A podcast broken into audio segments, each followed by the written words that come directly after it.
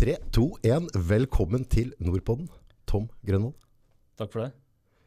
I dag skal vi prate om eh, si, altså, noen sånne litt, sånne litt tunge temaer, og så er det noe, altså, kalle, jeg vet ikke om jeg skal kalle det negative. Altså, du har en ryggmargskade, så vi skal prate litt rundt den reisa di der.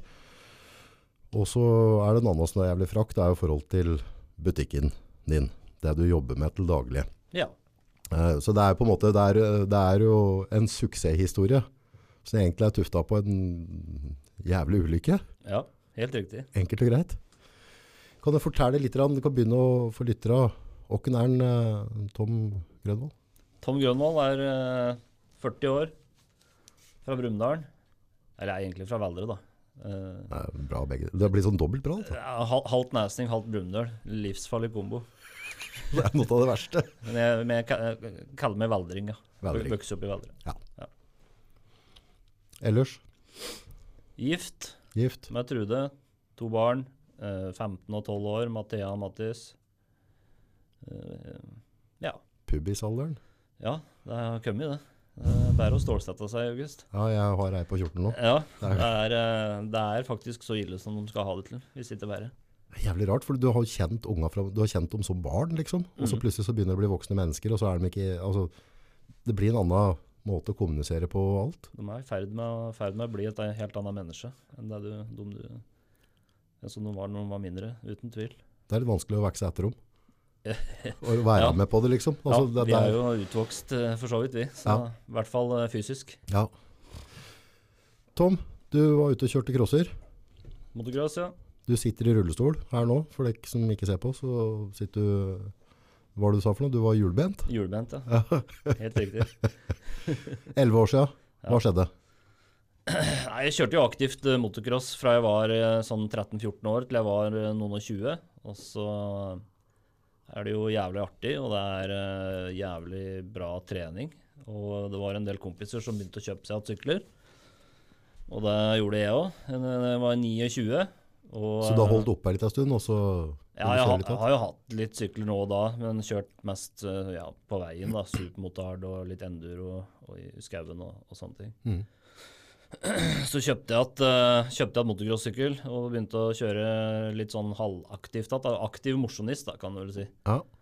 Eh, dette var jo i 2010, så det var litt liksom den sesongen der. da. Og høsten 2010 så var vi ja, 11. september. Det er ganske lett eh, dato å huske. 9-11. 9-11. Ja, og da, ehm, da var vi oppe og skulle kjøre trening, og eh, hadde kjørt mange runder. Eh, Det er mange store hopp, 20-25 meter lange plattehopp, eh, dobbelthopp. Eh, og så stoppa jeg, eh, for det er fetteren min, Kjetil, var med opp. Og dere tok litt bilder og litt sånn, da. Og så um, stoppa jeg og skulle fi- finne noen nye vinkler og litt sånn, og så stoppa jeg, stoppa jeg ved han, og så skulle jeg kjøre videre. Og da er jeg på en måte ikke i rytmer, da. Jeg, altså, jeg er ikke sånn i flyten over hoppa og kuler og sånne ting, men allikevel så bare bestemmer jeg meg for å bare gønne på at det er det største hoppet, da. Jeg hadde gjort det før, Ja. med det jeg trodde var eh, nok fart. ja. Eh, Men i dette tilfellet her så var det litt for lite fart. Så da blander lander jeg en ja, halvmeter, meter for kort.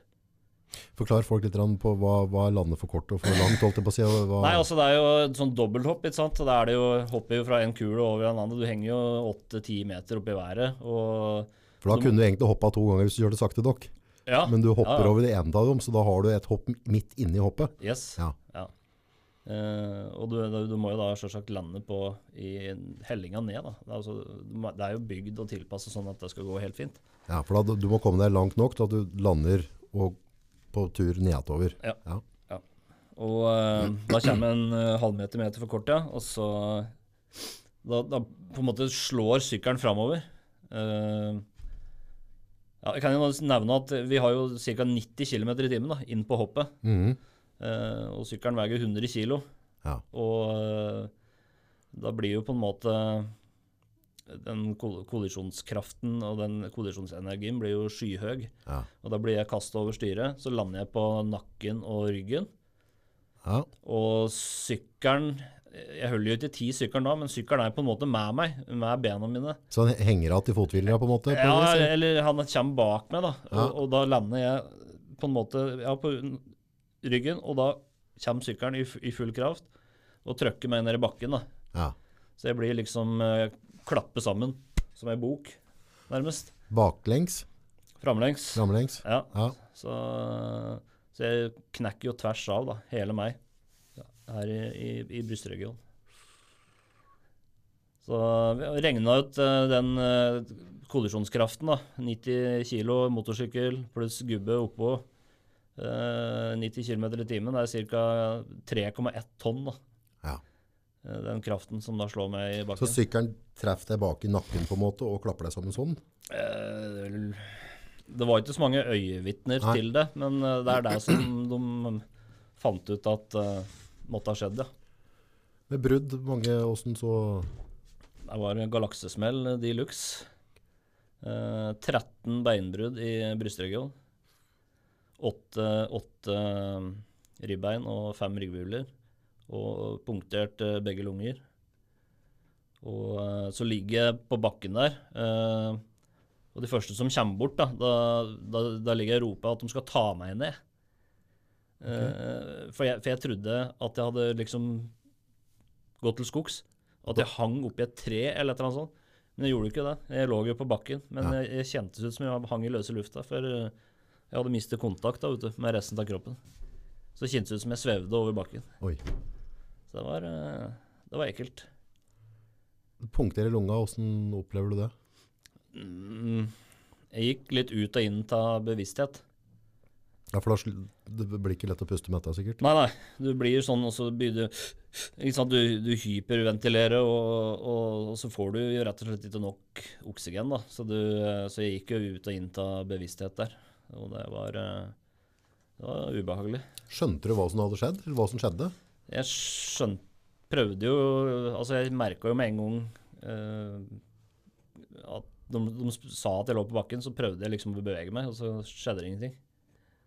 Og, og da sa jeg liksom Jeg klarer ikke å bevege bena mine, jeg klarer ikke å snu meg, jeg klarer ikke å gjøre dit, jeg klarer ikke å gjøre datt. Ikke sant? Og da fikk jeg litt eh, panikk. For da, da la du sammen kortet at dette er noe som ikke går over, kanskje? Nå har du driti deg ut, eh, Grønvoll. Skikkelig? Skikkelig. Så eh, ja, det er jo noe som heter sånn spinalsjokk, da. At du kan få liksom sjokk i spinnal. Ja. Og At, eh, at du kan få sånn midlertidig lammelse. Men uh, dette her var jo til det. Uh, og de skjønte jo De skulle jo egentlig sende luftambulanse opp, men det går jo høyspent over, uh, over motocrossbana oppe på Bøverlund der. Så var det litt gråvær, så de turte ikke å lande. Nei. Men det kom jo ambulanse opp fra Lillehammer. eh, De var der på et kvarter cirka, så det gikk jo veldig fort. Og de ja, la meg over på båra og kylte Tino morfin. Så etter det så våkna jeg ikke før jeg var i helikopteret på tur til Ullevål. Så det ble til Ullevål igjen med en gang, ja. Ja, de flydde fra Lillehammer til Ullevål. For det, her var det Her måtte de Dette var kompliserte saker. ja. Da skjønte du at du ikke fikk brukt bena mer. Nei. Um, de la meg jo i uh, Altså i mer eller mindre full narkose. Jeg ble operert nesten umiddelbart okay. når jeg kom på Ullevål. Og opererte meg i åtte timer eller noe sånt, tror jeg. Oi. Snitta opp hele ryggen. og ja, det, Først så satte de jo dren på lungen og sånn da, for å få ut For det var masse blod i lungen. Ja. Og fullt med pustemaske og utstyr. og, og For da pusta du ikke sjøl, eller fikk du hjelp til å puste da? Fikk hjelp til å puste. Ja. Og så ja, åtte timer operasjon. Inn med matt av plåt og skruer og fikk det ihoppesatt. Og, og når jeg våkna på natta der, ja, nesten morgennatt, så ble jeg liksom vekt opp. Og da prata jeg med, med han kirurgen som opererte meg. Og han sa, da spurte jeg liksom Første jeg spurte om, er det kommer jeg noen gang til å gå igjen? Nei, sa han. Ja. Så da var det liksom Det er det du kaller en komplett ryggmargskade.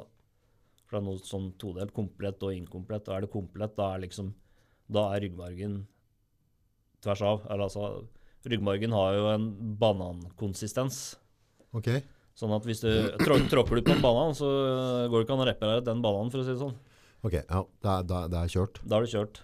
Og, eh, og, men samtidig så er jo det det er litt lettere å akseptere ting, da, for da måtte jeg liksom bare akseptere med en gang at det kommer aldri til å, til å gå noe mer. Så da slipper du liksom å leve i måneder og år med håp da, om at kanskje hvis du har følelse til ei tå, eh, to tær liksom, Det er mange som har en inkomplett, skade, så er liksom da eh, liksom da henger du deg fast i at du har bevegelse i den tåa. Ja. Sjøl om det er bare helt idiotisk å ha det, for du, du kommer deg aldri helt 100 igjen. Men eh, har du en komplett skade, så er det, tror jeg det er lettere å komme seg videre. Da.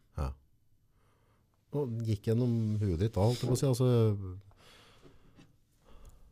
det, det er egentlig umulig å prøve å tenke seg til det sjøl, holdt jeg på å si, hvis jeg blitt fratatt evnen til å bevege meg fritt. Ja, For det, det er jo en jævlig stor del av både identiteten din og livet absolutt. å, å ha den bevegelsefriheten, Da. Mm, absolutt. Nei, jeg vet ikke. Um, jeg var på Ullevål i ti dager. Uh, masse smertestillende og husker nest- husker ikke så mye av det, egentlig. Uh, jeg ble overført til Sunnaas, som er en av tre norske spinalenheter. Ja. Og for øvrig en av de beste i Europa på rehabilitering da, av ryggmargskader. Så vi har eh, veldig mye bra kompetanse her i Norge på, på dette feltet her. Da. Og det er jeg jo takknemlig for. For eh, den oppfølginga og, og opptreninga jeg fikk der, var jo helt eh, enestående. Absolutt. Så du ble flytta ganske fort over dit, da. Ja, ti dager. Ti dager. Ja. Så det tok jo litt tid før jeg kom i gang med treninga, for jeg hadde jo, hadde jo så mange, jeg hadde så mye smerter vet du, fordi jeg hadde så alle disse ribbeina. Alle vet jo vondt det er å knekke et ribbein. Ja. Jeg hadde knekt åtte. Ja. Så klart klarte Hvor er det du har følelse i kroppen nå, eller altså, hvor er det du ikke har følelse i kroppen? Nei, altså, jeg har uh, Skaden er jo fra brystvirvel nummer fem, da, TH5. Ja. Uh, og det vil da si at det er eh, lam ifra brystvorten cirka, og ned.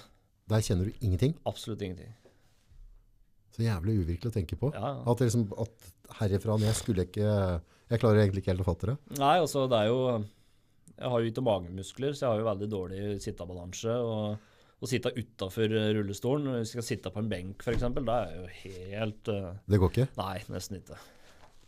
Jeg har veldig dårlig sittebalanse. Så mens rullestolen er jo tilpassa sånn at jeg har bra støtte, Ja. både sånn sideveis og ja, Og så er det jo en vanesak. altså Rullestolen blir jo på en måte de nye beina dine.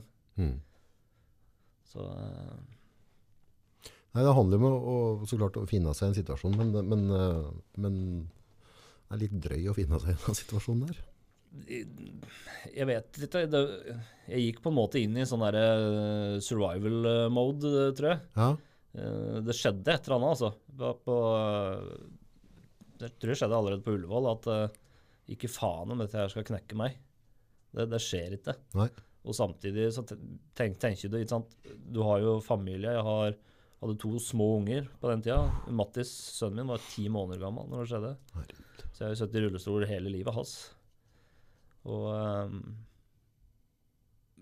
på en måte Altså, eh, tenk, tenk deg hvor skuffa de hadde blitt hvis, uh, hvis jeg bare hadde gitt faen da, og bare lagt meg ned og bare Uff, PP. PP, synd, synd på meg. Uh, stakkars meg, og ikke sant. Det hadde jo ikke fungert. Nei. Uh, og Trude som, eh, som Vi gifta oss jo året etter skaden, og hun, har jo, hun jo, står jo fortsatt ved min side. Ja. Og liksom hvis jeg ikke hadde eh, tatt ut beast mode og kjempa meg tilbake igjen, så hadde jo aldri, det hadde jo aldri fungert, vet du. Nei. Du, du, hvis jeg, jeg, skulle fått til at meg som en sånn stakkar som bare hadde sittet hjemme og syntes synd på seg sjøl og, og ja. Det, det går ikke an å leve sammen med noen sånne.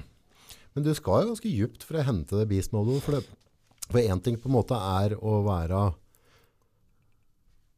knallmotivert når ting er på stell. Da. Ja. Så på en måte, la oss si at jeg på en måte er i god form og sånne ting, så vi skal begynne å trene og skal altså, altså gjøre et eller annet. Mm. Og er motivert da, det, det, det er en stor forskjell på der enn at du blir fratatt, eller altså at du ikke har helsa i behold. Da. Mm. For det, dette må jo gå på psyken. Altså, du kan jo ikke bare være dager med blom, blommer, dette der. Nei. Det må være noen morgener du våkner og bare tenker i helvete. Mm, Ja, jeg gjør jo det. Eh, det, det viktige, altså På Sunnaas var det jo Da var jeg i en, en modus. Jeg, men den modusen var jeg ferdig med når jeg ble skrevet ut. Så etter Sunnaas, sånne opptreningsopphold og sånne, sånne ting, det, det takler jeg ikke. Nå er jeg helt ferdig med institusjoner og sykehus. Ja, ja. Jeg blir, jeg blir fysisk dårlig bare jeg skal inn på Hamar sykehus og fikse et eller annet småtteri. ja. Så uh, Lenge var du på opptrening? Uh, fem måneder. Fem måneder. Ja. Og trene dekk Nei, jeg må jo lære alt på nytt, da. Må jo lære, å kle på deg på nytt, og du må lære å forflytte deg. da. Og så har jeg jo dårlig sittebalanse, ikke sant. Og da er det jo dritvanskelig å forflytte seg, kontra hvis jeg hadde hatt full Hadde jeg hatt uh, full styrke i magemuskler, f.eks., helt nede i hofta, ikke sant. Det er natt og dag. Det er natt og dag. Uh, men samtidig så Når du har Jeg jeg er så heldig så jeg har fått eh, beholde full styrke i armene. Ja. Og da er det i mine øyne null problem å sitte i rullestol. Ja. Det er jo verre med de som har nakkeskader, som da er eh, De mister jo håndfunksjonen og, og blir veldig svake i armene og blir jo 100 pleietrengende, mer Ja. eller mindre. Ja. Og jeg er jo 100 sjølhjulpen. Du, du har ikke noe hjelp i hverdagen sånn ellers? Nei. Det er ganske imponerende. Ingenting. Jeg har aldri hatt. Har ikke det? Nei. Prøvde hjemmesykepleien eh, de første, første helgene jeg var på perm. Mhm. Eh, så var det liksom sånn, Og da måtte hjemmesykepleien inn med to, da. Uh, for at jeg var uh, lam. Og at det, liksom, da måtte det to til for å forflytte meg, altså snu på meg og, og sånt. Er- fy faen, det er Nedverdigende? Ne, jævlig nedverdigende. Ja. Og liksom det å så slippe fremmede folk inn i huset ditt og, og Nei, fy faen. Helt pyton. Men er dette noen sånn guttegreier? For jeg og, hvis jeg er syk, da, Ja, det verste du kan gjøre er å hjelpe meg. Ja Altså, la meg være. Jeg vil heller ligge og daue alene i senga omtrent. Altså, det, er, det er nesten så jeg er gæren hvis du går og henter en Paracet. Liksom, ak akkurat som den reptilhjernen slår virkelig inn da. Ja, den gjør Så jeg klarer selv, altså, Ja, ja. For det, det er det å miste på en måte kontrollen over helsa på et vis, Mm. det er gære nok. Om jeg ikke skal innrømme at jeg trenger hjelp av det òg. Mm. Ja, ikke sant? Ja, nei, det er eh, Det var tøft. Det var jævlig tøft, det. Å Ja. liksom Ja, men jeg er, glad jeg, jeg er glad vi har klart oss uten, for å si det sånn. Ja. Men du var jo ganske tidlig på den i arbeid. altså, for jeg ser jo på en måte sånn eh, på Facebook, der vi alle er kompiser, Alt jeg på å si. Ja, ja. Du er jo helvete flink til å reise, og du er jo, altså, du er jo aktiv. Du Ja. driver med ting hele tida. Ja. Så du, altså, forhold til det der, du har, har jo faen ikke gitt opp, for å si det sånn. Nei. Eh, Jeg fant jo tidlig ut, eh, etter jeg ble utskrevet òg, at hvis dette her skal funke, så må jeg ha, da må jeg ha noe i timeplanen hele tida. Ja. Eh, Da må det være full gass med fritidsaktiviteter åt unger, eh, jobb. Eh, og ha noe å se fram til, litt sant? noen turer, noen reiser, noen eh, middager og sånne ting. Ikke sant? Du, du må være sånn bang, bang, bang, bang, bang. Du må gå i ett. Ja. Eh, hvis du har får, får dautid, da, da, er det liksom, litt da begynner du å tenke litt, og da begynner du å tenke på alle de tinga som, eh, som du kunne ha gjort. da. Ja. For det er når jeg skada Eller når jeg hadde ulykka mi, så Før jeg skada meg, så var jo alt av hobbyer og sånne ting jeg hadde, var jo å være aktiv. Det var jo motorsykkel, motocross, eh, terrengsykkel, skikjøring. eh, var alt Livet var bygd rundt deg, egentlig. Helt riktig. Og alt dette mista jeg over natta, liksom. Ja, og der, der jeg har, eh, ikke til sammenligning i det hele tatt, men jeg har noe, noe som heter Crohns. Eh, så det er bare en sånn tarmsjukdom. Men eh, i kjølvannet av den, da, hvis den har acter opp litt og er litt morsom, så, så mister du energien din. Altså du blir, du blir en ordentlig stakkars meg. Altså du må sove mye, og du har ikke den energien. Så, så jeg hadde en sånn ordentlig runde her nå i vinter, så jeg var fryktelig sliten. Alt bare blåste rett gjennom, ingenting som festet. Jeg gikk ned 16 kilo, så ting funket ikke. Mm. Eh, og det jeg opplevde, var at jeg følte at jeg mistet identiteten min, for jeg er vant til å sprette opp på morgenen, være ute, være aktiv. Altså, jeg, jeg, jeg hadde jo et timeplan som du hadde, som var aktiv og drev med ting hele tida. Mm. Så bare liksom, over noen uker så ble jeg frarøva den. Og da drev jeg, mista jeg litt meninga med livet en periode, for Ja, ja. Jeg, jeg følte at jeg var ikke August mer. Hvis du går gjennom et sånt traume, da, så du må eh, Altså, identiteten er jo ganske lik. Du er jo fortsatt den samme skalla, eh, samme huet. Ja, Eh, men du må jo på en måte bygge opp identiteten din helt på nytt. jævlig ubehagelig. Ja, men samtidig så Vi mennesker er nok eh, Vi er mye mer hardføre enn det vi enn enn det mange tror, da. Ja. Så eh, det går faktisk For meg så har det gått utrolig bra, syns jeg. For det- en ting er jo identiteten du har sjøl, men så har du også den identiteten Det du på en måte oppfatter sjøl at folk oppfatter deg som. da. Mm. At på en måte, Jeg har kanskje mange har sett på meg som en sånn energidude. Eller sånn at jeg bare tygger sammen tenna, og så bare kjører jeg på, og så stopper jeg ikke uansett. Mm. Og så plutselig mister jeg den igjen, og så da følte jeg på en måte at det ikke var noe mer. Eller, altså, Ja. det må jo være helt jævlig ekstremt når du blir satt i, i stolen. Ja. Det var det. Vant til totaktsmotor og firtakter og Ja, ja, ja. Absolutt. Måtte bare kvitte meg med alt. så eh, helt sprøtt. Men var det noe som du fikk jobba gradvis med der, eller hvordan, hvordan klarte du å løse det? på en måte? For du, måtte jo, skjønner, du har jo måttet forandre rutinen din totalt. da. Mm. Um, altså, jeg bestemte meg ganske tidlig uh, for å gå all in på jobb-biten, da. Ja. Jeg sa jo på Sunnaas at, eh, at målet mitt var å komme 100% tilbake til jobb. Eh, ifølge If skadeforsikring, som jeg hadde, jeg hadde Det er det eneste forsikringsoppgjøret jeg har fått, var gjennom den uh, lisensen jeg hadde i Norges Motorsportforbund. Oi. Så da fikk jeg 200 000 i erstatning. Uh, Det er det du har fått? ja. Og, og ifølge If så var jeg 90% medisinsk invalid. Ja.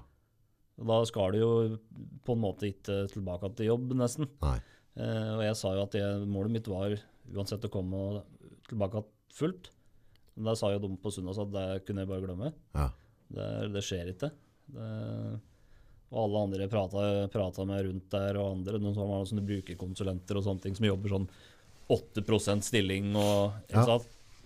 Det er liksom, det er, der, må du, der må du bare glemme, Tom. Det, det skjer ikke. Uh, men allikevel så gikk det, det gikk det en faen til meg, da. Uh, og, og, og der jeg sa det, jo, det skal jeg.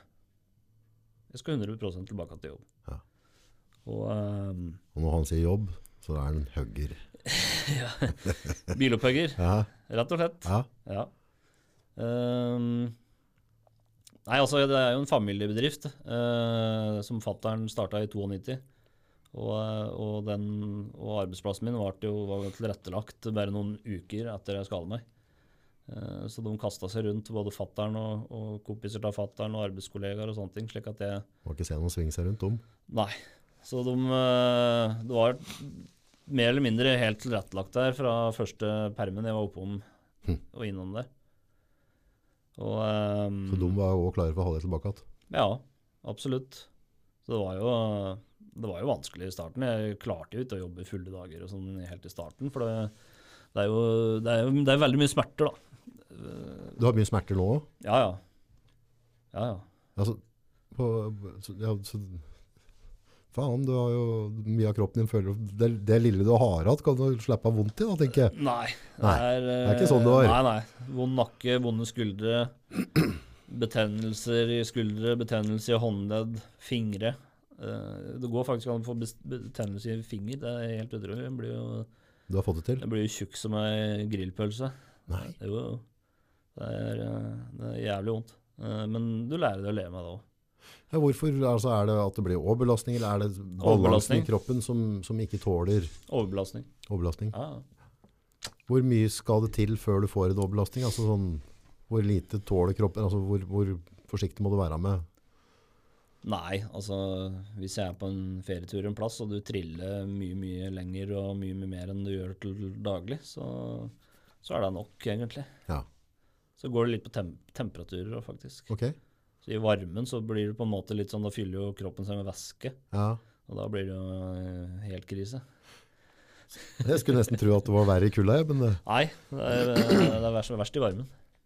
jøss. Mm. For da får du, ja, det, det har jeg faktisk opplevd en gang. Jeg hoppet av flyet ned i Asia og et eller annet.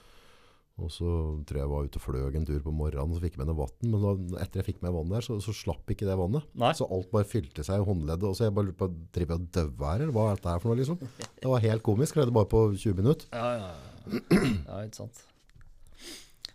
Nei, altså tilbake litt eh, til den jobbbiten, da. Eh, Jeg hadde jo en forsikring i Gjensidige, som en sånn uførforsikring, da.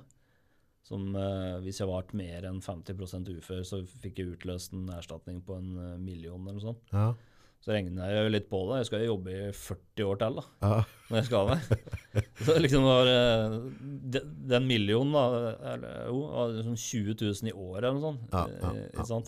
Og jeg tenkte at nei, fy faen. Jeg hadde akkurat bygd meg nytt hus og, og, og hadde jo liksom pådratt meg en del utgifter der, da. Mm. Med lån og sånne ting. Og, og så, men så tenkte vi skulle prøve da, og liksom se hvor mye jeg kunne tjene. da. Hvor mye fikk jeg fra Nav en 50 uførhet. ikke sant? Mm.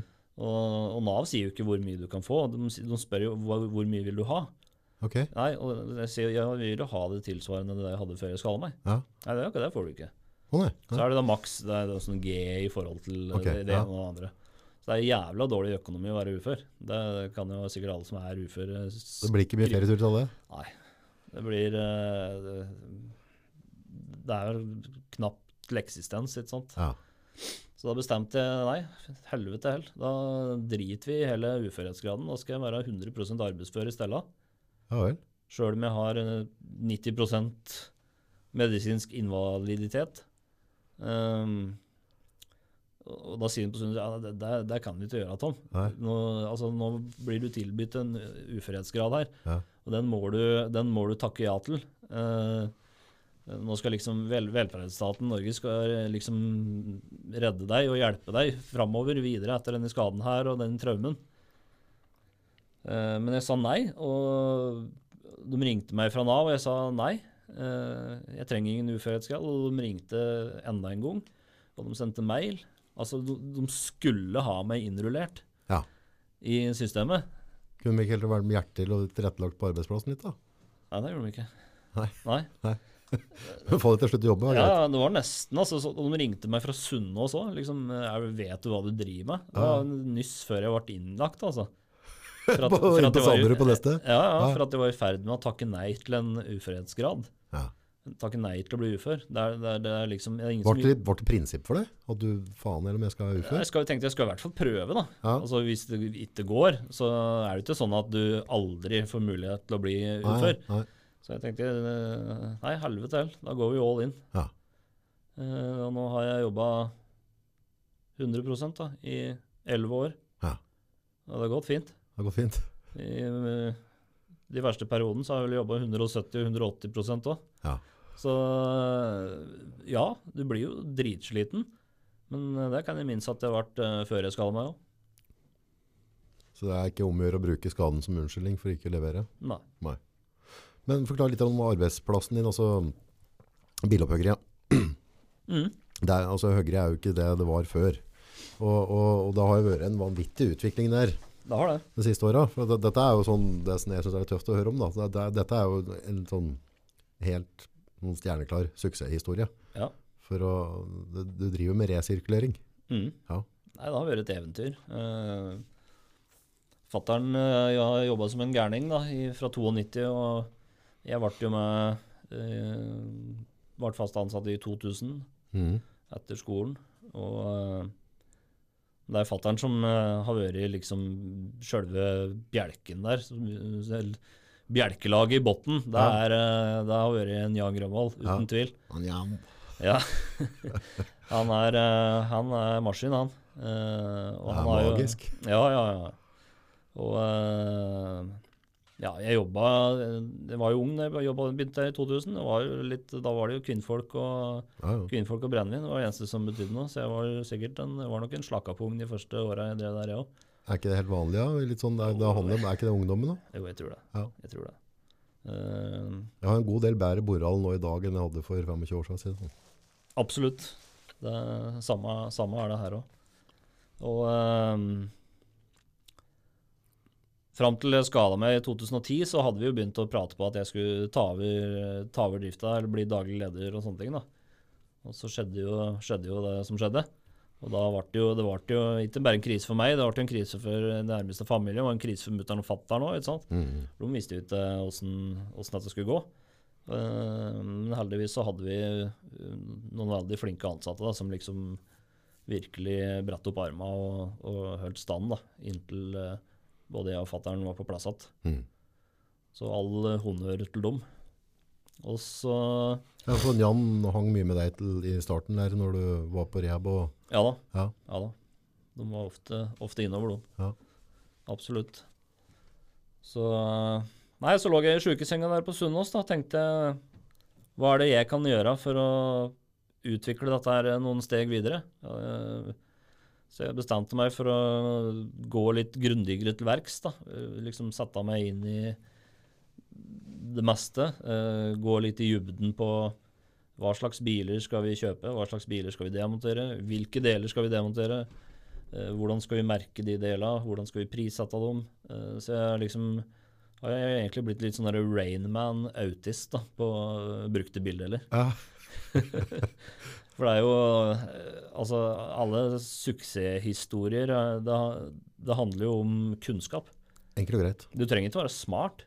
Nei, bare ha kunnskap. Jeg anser ikke meg som en, noe særlig smart, men, men jeg har uh, opparbeidet veldig stor kunnskap da, om det faget vi driver med. Ja. Og uh, knowledge is power, er det ikke det de sier? Ja, garantert. Mm. Så eh, har vi etter hvert eh, fått eh, Ja, vi har jo Vi sats, satsa jo og, og har jo bygd ut lagerhaller, vi har bygd på verksteder. Ja, for det har skjedd litt der, for å si det sånn. Ja, vi har jo økt produksjonen gradvis da, gjennom disse elleve åra her. Eh, så nå er vi eh, 34 ansatte. 34 nå. Ja. Det er mye folk. I 20, 2010, når jeg skala meg, så var vi åtte. Tenk på det. Og uh, i 2010 så omsatte vi for uh, 12-13 millioner. Og nå i 2021 så passerer vi 90. Heftig. Så det er nesten tigangeren på ti år. Ja. Så det er morsomt. Det er litt frakt å tenke på at uh, han gubben de ville helst ha til å være ufør, har uh, laga 32 arbeidsplasser for kommunen. Ja. For det er ikke mange bedrifter. Seks- skjønner 26. 26 nye arbeidsplasser, 26 nye, ja. i, nye arbeidsplasser til Ringsaker kommune. Ja. Vi har ikke fått så mye honnør for det, for å si det sånn. Jeg tror ikke det. Så jeg tror liksom det har liksom bare sånn passert i Passert på sidelinja. Det er mange andre som eh, liksom slår seg på brystet og skaper fem nye arbeidsplasser i Ringsaker kommune, men liksom, vi er ikke så opptatt av å, å rope høyest og, og slå oss på brystet. Vi er mer opptatt av å levere og produsere. Ja, altså, jeg tror Hvis han har litt for mye møk under negla, så, så er han ikke blant fiffen. Nei, det er noe med det. Det er noe med det Er det ikke litt sånn, da? Jo, Jo. det er det. Så ja, det blir jo på en måte vært ut noen Men det er jo også sånn historie i seg sjøl, med at du egentlig skulle vært ufør, Mm. og, og har vært det. Du blir et aktivt valg til å bare kjøre det på videre. Det, det, er, det er jo all honnør der, for å si det sånn. For én ting er på en måte å, å komme seg etter senga på Sunnaas og komme seg i rullestol og være hjemme. Annen ting er å gå inn og være daglig leder og utvikle en altså, Det er himmel og hav i forskjell. det. Ja, det er altså fra å liksom klare å fungere i hverdagen og være ufør, Mm. til at du faktisk produserer noe. da. Ja, absolutt. For det, når det er 32 arbeid, det det, er, det er en stor verdiskapning for den kommunen du bor til. Absolutt. Absolutt. Hva, hvilken grep har du gjort for å få Grønvoll opp der det ikke er nå? Nei, Vi har jo liksom eh, bygd litt sten for sten, sten på sten, egentlig. da. Er, vi er ikke noen gasellebedrift. Nei? Jeg tror ikke sånn lynrask eh, økning i omsetning og, og resultater Jeg tror ikke det er noe særlig bærekraftig på lang sikt. da. Hvis du vil, så kan jeg skrive den på det. Ja. ikke sant? Jeg har prøvd det. Ja, ja. ja. jeg fikk noen advarsler, men jeg ville ikke høre det. Nei, Nei, nei, nei. nei, nei. Nei, så Det er liksom, det er jo litt sånn, sånn grunnideen mot fatter'n har vært òg. For han eh, jeg, jeg, jeg begynte jo å ta av litt der. Mm. Og fatter'n eh, drog i brekket, for å si det sånn. Ja, Eh, Men jeg kjørte over den da, i noen tilfeller der. Men, og samtidig så så vi jo etter hvert at det var riktig grep, da, og at vi lykkes med de grepa vi gjorde. Mm. Og etter det så har, har, jeg, har jeg liksom fått litt friere tøyler, da. Ja, for det handler jo om å, å utnytte seg av, eller ta situasjoner som kommer. Da. For innimellom så åpner det seg opp, og det er dette som er vanskelig å balansere. Mm. Si at ok, nå har jeg den muligheten her til å gasse på, Mm. så hvis jeg ikke tar den nå, skal jeg miste den. Men samtidig ikke bruke det som unnskyldning, og så vokse for fort. Da. Ja, det er akkurat Det det. er, dette er, det er akkurat det. jeg har ikke skjønt meg på den balansen. Nei, Vi har jo utvida området. og Vi har uh, laga logistikk og systemer for lagring av biler, grenroller. eh, eh, bygd verksted, bygd lagre, ansatt flere folk, økt produksjon. Altså, når du øker produksjon, så får du mye mer brukte bildeler på lager som du kan selge. Og så har vi de markedskanaler vi har. Der har vi, er vi med på alle de norske. Og så har vi bestemt jo jeg i 2017 at vi skal inn i Sverige. Å ja, så du selger del til Sverige? Masse. Ja vel? Ja, ja. Vi er på den største databasen i Sverige òg, så det går daglig masse collie ut både til Sverige, Finland og Danmark og Så vi tjener penger på svenska? masse. Han ble glad. Ja. og, eh, og den svenske databasen er jo veldig stor nedi, for den er jo lagd for det europeiske markedet òg, så den er på masse forskjellige språk. Og vi får jo så vi sender jo daglig 10-15 collie ut til utenlandske kunder, og 80-100 til norske. Jøss. Men hva skjer da hvis det kommer inn en bil? Mm. Eh, hva er prosessen? Um, For folk tror egentlig utgangspunktet at det bare går en kvern, går rett i kverna, ja. så er alt ferdig. Nei. Uh, nå er jo vi Vi har jo litt sånn todelt drift. da. Vi har jo en, en, en del som består av vrakpantbiler. Dvs. Si ut, utrangerte biler som er, er ferdig med livet sitt. Mhm. Eh, og de tar vi inn, og mye av det er jo søppel. Det er ikke så mye, som, mye deler som er gjenbrukbare. Nei.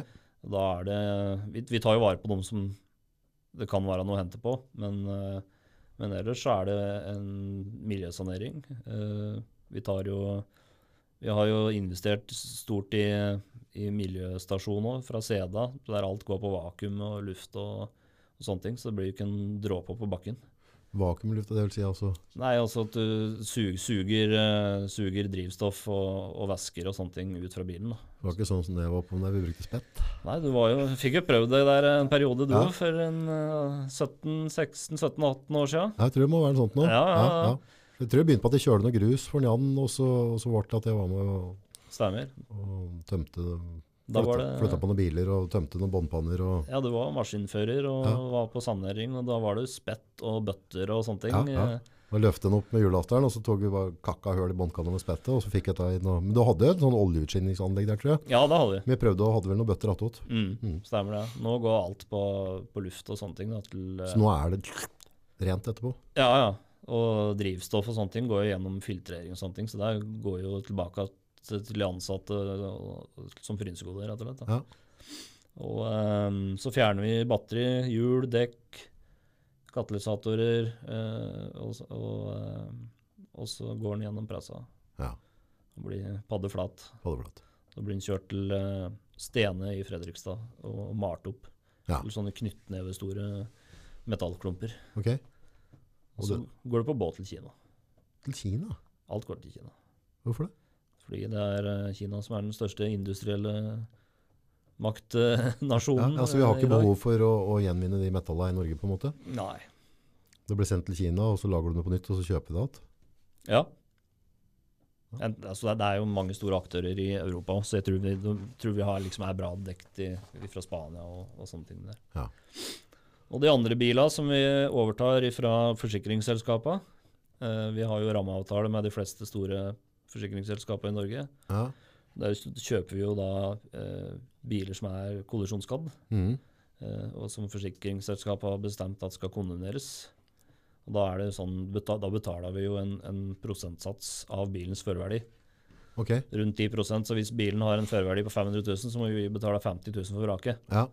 Og det er jo mange som tror at uh, vi får alle de bilene som Nei. kommer inn hos oss. Det kjøpes. Det kjøpes. Det kommer ut og henter dem og Vi henter biler i hele Norge. Ja. Og eh, de kjøper, vi kjøper jo biler for uh, 35 millioner i, i år. Og da må vi, da må vi produsere. Da må vi For, for å, det er mye kapital vi binder opp der. Ja. Og da må vi produsere brukte bildeler og selge. Hvis du får inn en, si en Audi A6 eller Allround, et eller annet som, som er en skapelig pen bil, men har blitt krokka, eh, hvor, hvor, hvor mye deler plukker du ut? Altså hvor, hvor nøye plukker du ned? Vi har jo veldig mye bra uh, arbeidsverktøy som vi ser hva vi har på lager, og, hva slags, og så har vi jo statistikk på forespørsler. Hva, Å ja. hva som er etterspurt og ikke. Ja. Uh, og det er jo en prosess som jeg har stått for. da. Ja. Sånn at vi, vi, vi Har vi 18 viskemotorer på lager til en Tiguan, hvorfor skal vi legge nummer 19 på lager? Ja. Det er jo, det er jo bortkastet tid Ja. og penger. Mm. Eh, så vi laga jo Vi har åtte løftebukker, åtte demonteringsstasjoner. Nå er det lenge siden vi har vært oppe her, skjønner jeg. Vi må ta en tur en dag, det. August. Og der står vi og produserer og skrur ned de forsikringsbilene, da. Og Da, står den inne og skrur og Ja, ja. ja, Da får eh, jålete hørte jeg. Ja, ja, ja. Eh, og da får mekanikere en plukkliste da, eh, med liste over de delene som skal fjernes fra, fra hver bil. Ja. Så noen biler plukker vi to deler fra, mens en annen bil kan vi plukke 400 deler fra. Det varierer jo noe jævlig. Forhold til, ok, Så da har du et program som finner ut hva er det jeg skal ha ut av det. Ja, altså vi, høll, vi demonterer jo òg veldig mye biler som er kun 0 til 1, 2, 3 år gamle, ikke sant? Mm. De blir jo skada i trafikken, de òg. Og eh, ja, vi tok inn en, denne uka her tok vi inn en 2021-modell Mercedes EQC. Der hadde vi ingen deler på lager, sant? for det var første bilen vi demonterte av den typen. Og da kan det fort bli en 350-400 deler da, fra den bilen. Hvor mye deler er det på en bil, egentlig? Det blir sikkert også noen regner. Ja. Som klips og nips og plastdeksler og sånne Ja, ting, det tar vi ikke vare på. Det kun For det kan folk kjøpe nytt i stedet. Ja, Ja. det koster ikke all verden, og det er ikke noe etterspørsel etter Ja, for du må jo ha en sånn krysningspunkt på en verdi av hva du kan ta. Vi må, vi må se på produksjonskostnaden på sant? og da, da, da, da kan du ikke plukke deler som det ikke er noe butikk i å, å selge videre. Nei. Så det er mekaniske deler og elektronikk og, og sånne ting. Da. Mhm. Og igjen så er dette på kunnskap, ikke sant. Da vi, vi har blitt såpass gode, tør jeg påstå, da, Ja. at vi, vi, vi vet hva vi skal plukke, og vi vet hva, hvilke biler vi skal plukke. og og så er det riktig prissetting og, og merking med originale delnumre, katalognumre, slik at Møller og Bertel og sånne ting kan få treff på sine egne katalognumre og sånne ting når de søker. Så du må legge inn det òg, ja. Ja, vi gjør det. Ja. Ikke alle gjør det, men vi gjør det. Ja. Og det, det vi har vi merka at det gir, det gir kraftig mersalg. Men det er jo litt av et uh, servicesystem og datasystem du skal ha for å, å håndtere dette. For, Ja, ja. for delnummer, det er, det, er, altså, det er noe punching bare for å Eller er det sånn klarer å skanne inn noe av det? Nei, punching. Punching. Ja. Nei, det er Derav mye, mye, mye cut and paste. da, cut and paste. Ja. Vi kjører jo flere skjermer, ikke sant? og vi har jo delkataloger oppe, og så kjører vi de bare rett inn, klipper inn og limer inn i Ja, eget ja. program. Og så kjører vi fil ut til, til server som oppdaterer på nett da, daglig. Ja. I alle, alle markedskanalene våre. Mye deler har du på lager til enhver tid? Eh, nå har vi ca. 50 000. Deler. Ja. Det er ikke så jævlig mye, men eh, det er jo ikke champagne og vin vi lagrer. Det er brukte bildeler. Så Ja, det, de skal ikke ligge på lager, de skal være på vei ut til kunden. Ja, for dette er jo hvis du, som mange vannfolk ellers er, skal spare på alt, Ja, så ja, Til slutt så vasser det til det. Hvis, du, hvis lageret ditt vokser kraftig, så da gjør du noe feil, Ja. tenker jeg. ja, da plukker du feil deler og selger for Ja, lite. så for nå er vi sånn at uh, cirka da, at uh, vi har like mye deler ut av lager på en dag som vi har inn. Ja. Sånn at vi har uh, på en måte En grei balanse der. Ja, og det er der vi vil, er der vi vil være. Hm. Hva er det som er eh, liksom innertid å få inn om dagen? Hva er det som Nei, det er jo elbil. Elbil? Elbil. Er ikke det for nytt til å få inn? Nei. Det er ingenting som skal til. Det er Ja, ta den Ja, to EQC-er har vi fått inn nå i, i desember. Ja. Og den ene Jeg kan vise deg bilder etterpå, for det er jo helt uh, spinnvilt. Du, du kan ikke skjønne hvorfor den bilen ikke skal repareres. Men uh, mange produsenter de krever jo uh, For denne her hadde gått en airbag til, den EQC-en. Ja. Og da krever Mercedes at uh, batteripakka skal byttes. Fordi det er en sikring i, i forbindelse med batteri som går ut, eh, som løses ut når, du, når en airbag løses ut. ja, for at det ikke skal begynne å brenne? Ja, Ja. eh, og da krever Det er bare å bytte sikringen, men Mercedes krever da at batteripakka skal byttes. Så den EQC-en som vi fikk igjen, var skade for 950 000 på. Batteri, nytt batteri koster et nytt, elbil, eller nytt batteri til eh, hovedbatteri koster like mye som en ny EQC. ja. Så det blir ikke sånn de neste årene at folk bytter batteripakka etter hvert som batteriet blir dårlig, for å si sånn. De bilene blir høgd. Sånn per dags dato så er det situasjonen. ja. Det er helt eh, forferdelig. Hva får du gjort med batteriet? Vi selger dem videre til uh, energilagring og EV-konvertering. Altså der du konverterer uh, fossile kjøretøy, da. båter, anleggsmaskiner, biler, til eldrift. For du kan ikke selge innad til Mercedes etterpå. Nei, nei. Batteriet er like fint. Ja. Det, er, det, er, det er ingen skade på batteriet. Uh, bilen har gått 1900 km, det er jo flatt nytt. Men uh, det er eh, policy da, fra de store bilprodusentene. Hvorfor gjør de sånn, tror du? Det vet. blitt like mye tech-selskap som, eh, som de har. Og da er det jo som Apple. Ikke sant? De mener, altså, Skjer det noe med tel telefonen din, så, iPhonen din, så vi, Bytter vi den? repareres ikke. Den byttes. Ja. Og sånn er jo Tesla er jo verst. Ja. Desidert verst. De som Eller best i boka di? Ja, det er bra for oss å få inn, da. Eh, Men de tillater jo ingen brukte deler i skadereparasjoner. Ingen.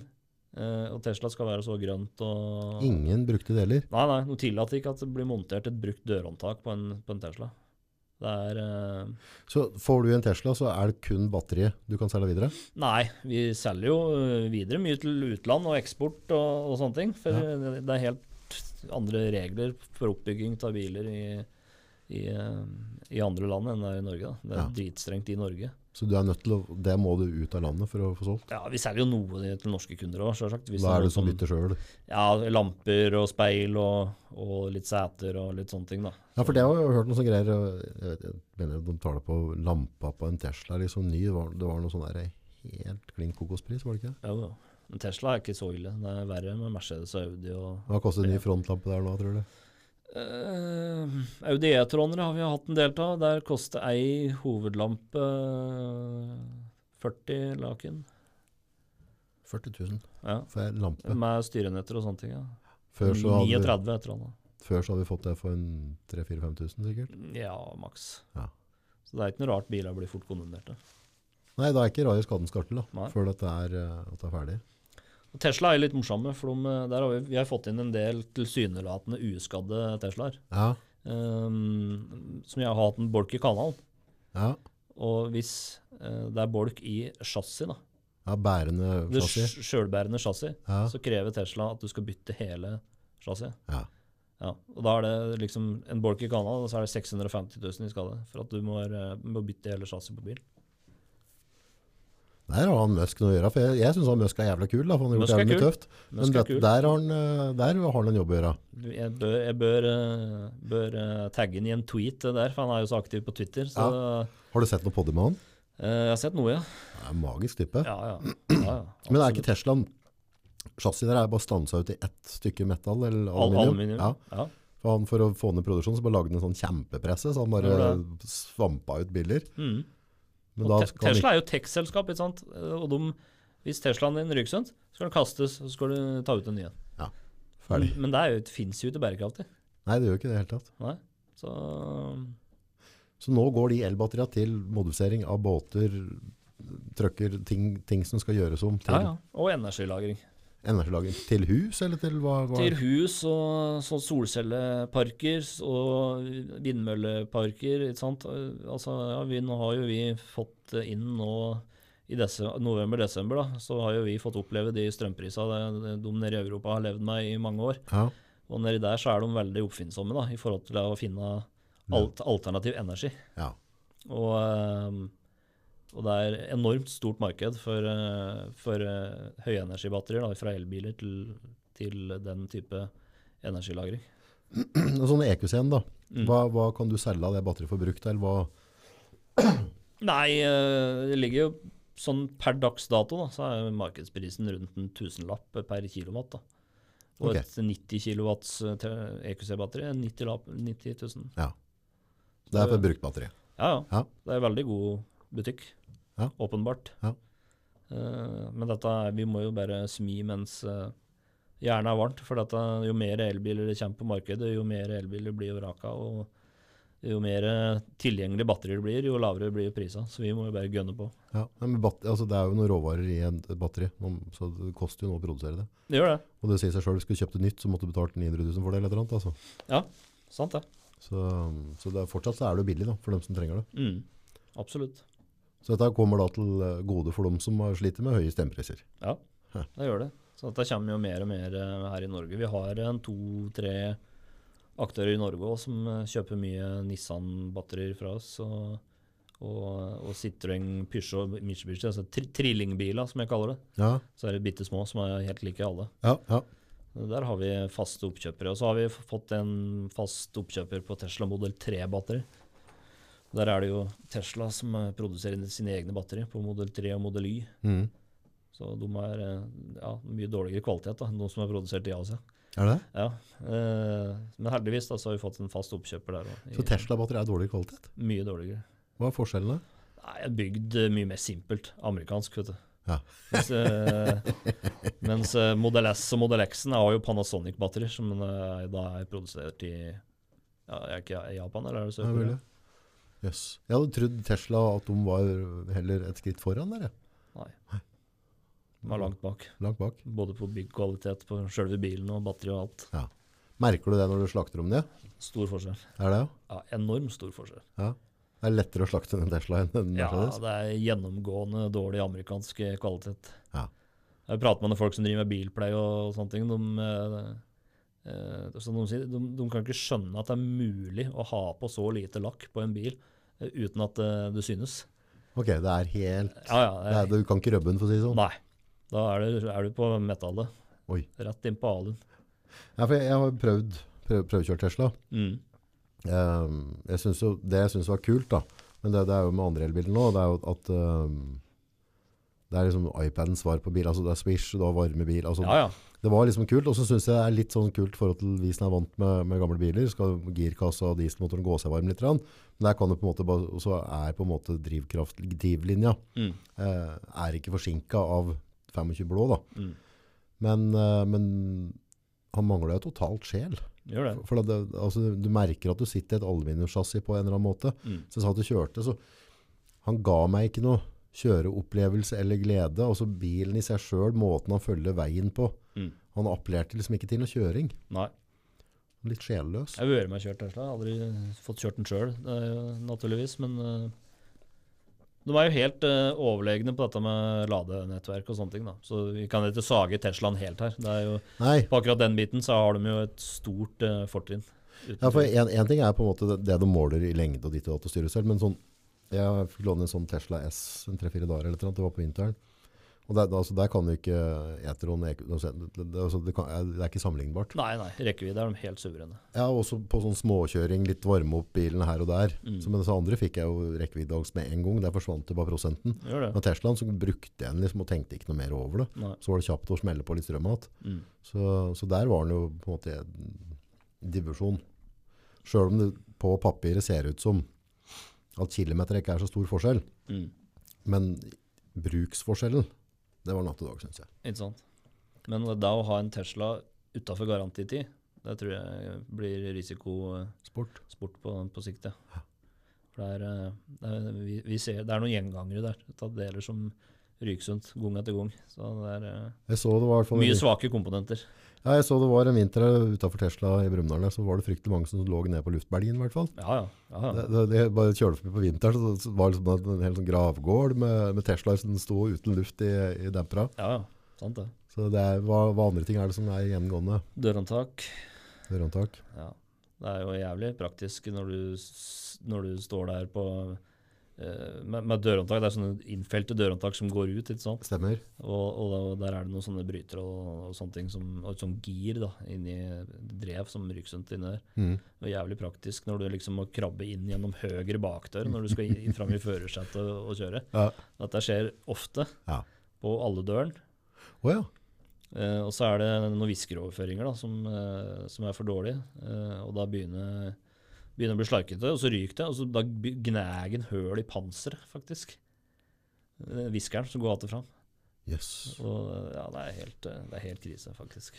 Nei, for det, det, det var en sånn opplevelse jeg fikk, sånn at jeg hadde en del barnesykdom. Det blir som at hvis du har, elektriske justeringer på stolen din, Mm. når jeg skal ta hånda nedi der, så har den laget for liten plass. Jeg får egentlig ikke nevene mellom døra Ja, ja. og, og, og sete. da. Mm. Så jeg må liksom mose hånda nedi, eller passe på å justere setet før jeg lukker døra. Så det er en del sånn barnesjukdommer. Men samtidig så har de ikke produsert bil så lenge heller. da. Nei, må ikke det. Så i forhold til hvor langt de har kommet på de få årene de har drevet, så Mm. lar jeg meg imponere. Så gi dem 10-20 år til, så kan godt hende at, eh, at de begynner å få noe som Og Strategien til Elon Musk har jo hele tida, det har han jo vært åpen på hele veien, det er jo eh, å få alle bilprodusenter til å bli mer bærekraftig. Mm. eh, og fase gradvis ut fossile biler. Mm. Og da har de fått til. Mm. De kommer jo etter nå eh, på rekke og rad. Det er så mange, av mange forskjellige typer elbiler som er til tilgjengelig på det norske markedet nå. Ja, det er jo seks- 50-60 stykker i hvert fall. I hvert fall. Det er mye. Ja, det er ekstremt mye. Så det, han, har jo, han har jo gjort noe veldig viktig der da, for, for miljøet vårt. Kunne du tenkt deg at elbil sjøl ennå? Jeg har det. Du har det? Som kjerringa bruker, da. Ja. Ja. jeg er i bilen, men kjerringa bruker den. Ja. Jeg har en E-tron, Du har E-tron nå, Ja. så den har vært, den har vært bra, den altså. Men du kjører bil sjøl òg, du? Ja. Ja. Der har jeg Det er jo Ja, der kan vi jo trekke fram velferdsstaten Norge. Ja. ja, der har de sikkert stelt opp på Hjertil. Ja, er du gæren? Ja. Uh, det tenkte jeg skulle nevne i stad, men det glemte jeg. Det er påtår. Ja, litt varmt. halv kopp. Helsevesenet i Norge får jo mye pepper om dagen. Ja. Eh, men eh, fra jeg lå på bakken oppå bana på Bøvlund der, og fram til der jeg er i dag, da, så er, eh, har det vært en, en reise gjennom det norske helsevesenet der jeg kun har positive ting å si. Oi! Så kjedelig, ja. Ja, ikke sant? Vi skal jo klage på ting, Ja, ja, Tom. ja, men- men, tenk, tenk deg hvor mye penger dette koster velferdsstaten i kroner og øre å rehabilitere en kar som ligger på sykehus i, i fem måneder. Eh, og full opplæring, eh, full opptrening, hjelpemidler, rullestol. Eh, I USA, eh, det er landet som har flest ryggmargskadde per eh, i forhold til innbyggertall. Mhm. Eh, der, er det, der er det sånn når eh, pasienten skal få seg en rullestol, da er det å arrangere fundraisers og sånne ting, da, slik at eh, noen skal hjelpe ham for å få, han må kjøpe sin egen rullestol. Liksom. Mm. Og det, de, den stolen jeg sitter i nå, koster 45 000, tror jeg. Det er såpass. Ja, ja, ja. Og jeg har, har jo flere stoler, Mm. og jeg har masse hjelpemidler. Dusjstol. Jeg har sånn løfte-hvilestol som jeg hviler til. Mm. Uh, og ikke minst da, bil. Mhm. Jeg får jo, får jo bil ifra Gjør det? Ja, Nav. Jeg får den ikke, da. Det er Nav som eier bilen. Ja, ja. Men jeg har på en måte sånn heftelse for, på Nav. da, som at de, Jeg må levere bilen tilbake til Nav når, Når er når jeg er ferdig med den. Ja. Og eh, en sånn karavell da, som jeg har. eh, ferdig, det er en sånn multivan. Den koster jo 800 000-900 000 i utgangspunktet. sant? ja, før du har hatt på noe Ja, ja. Og med ekstrautstyr som koster 1,6 millioner. Mhm. Og jeg har ikke betalt en krone sjøl. Så flott. En jeg har en liten egenandel, da. Men eh, liksom, det, er jo, det er jo helt spinnvilt.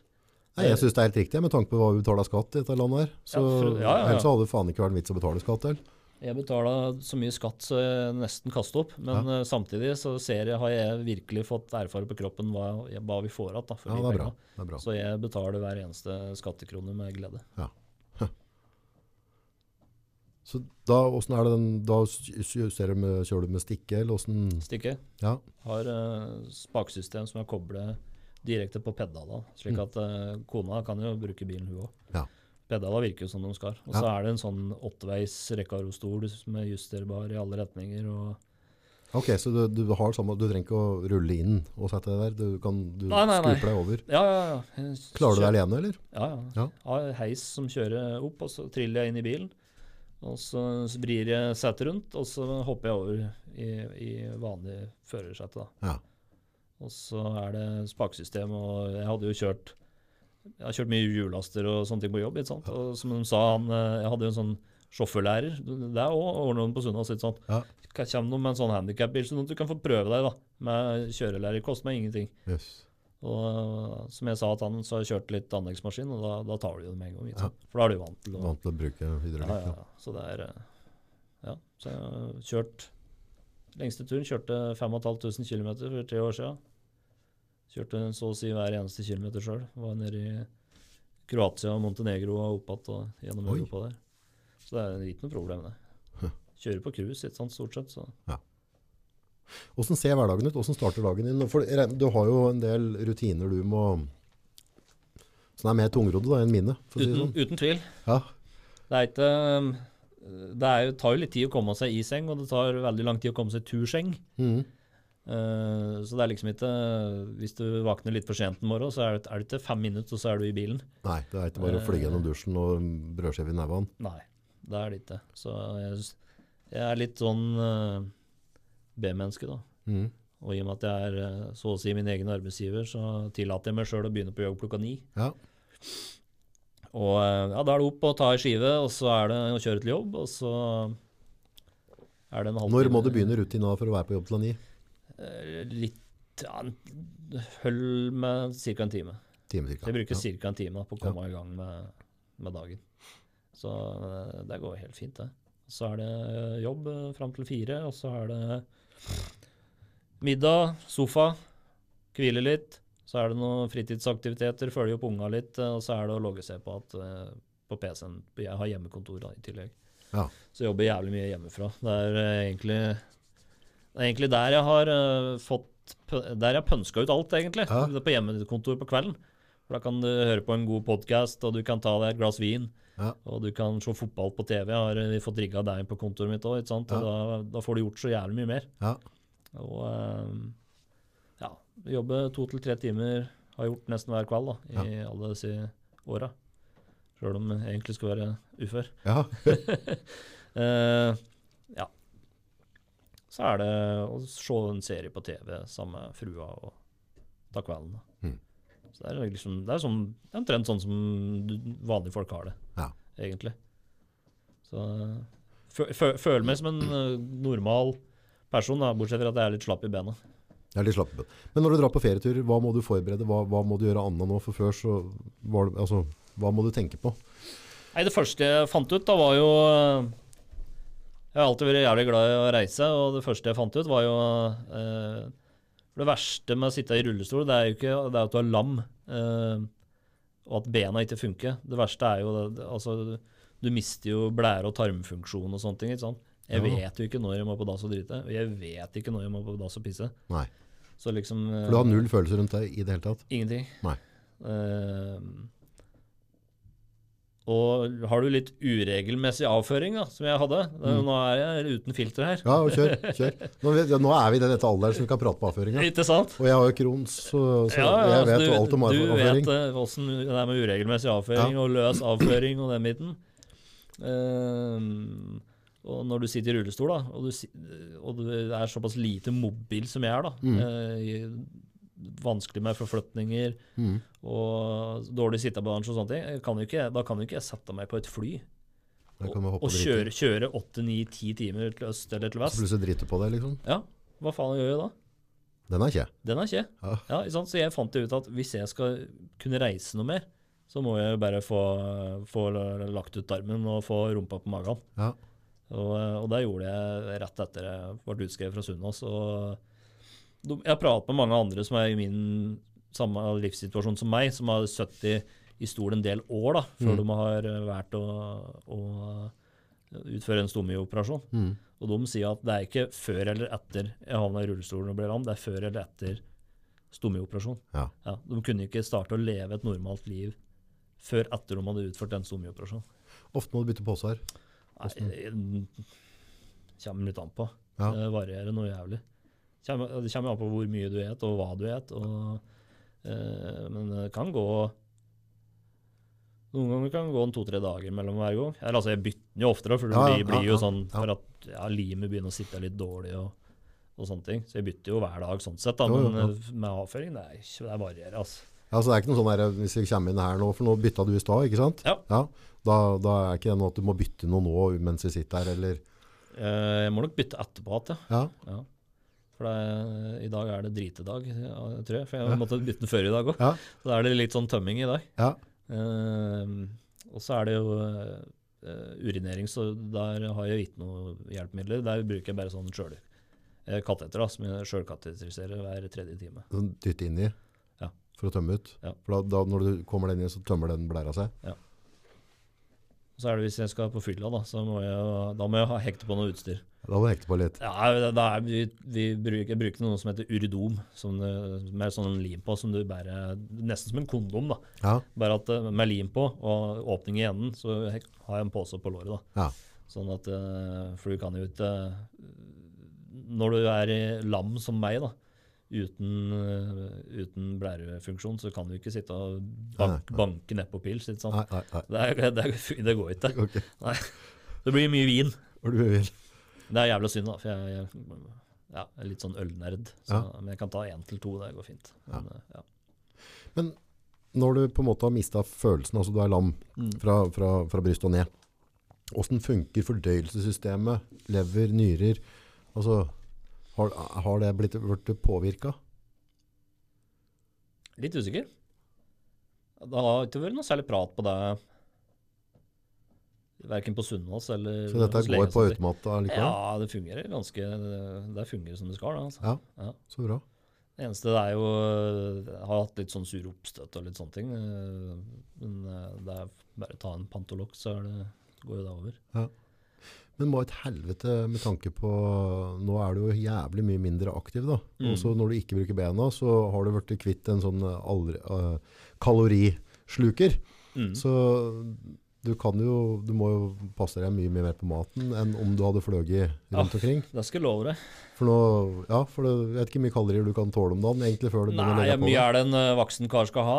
To og et halvt? Tre? Er det det? Ja, hvis du jobber som hugger, så skal du rett ha tre og et halvt, tenker jeg. Ja, Hvis du jobber fysisk, Ja. så må du nok ha det, ja. Men jeg må, jeg må på halvparten av to og et halvt. Ja.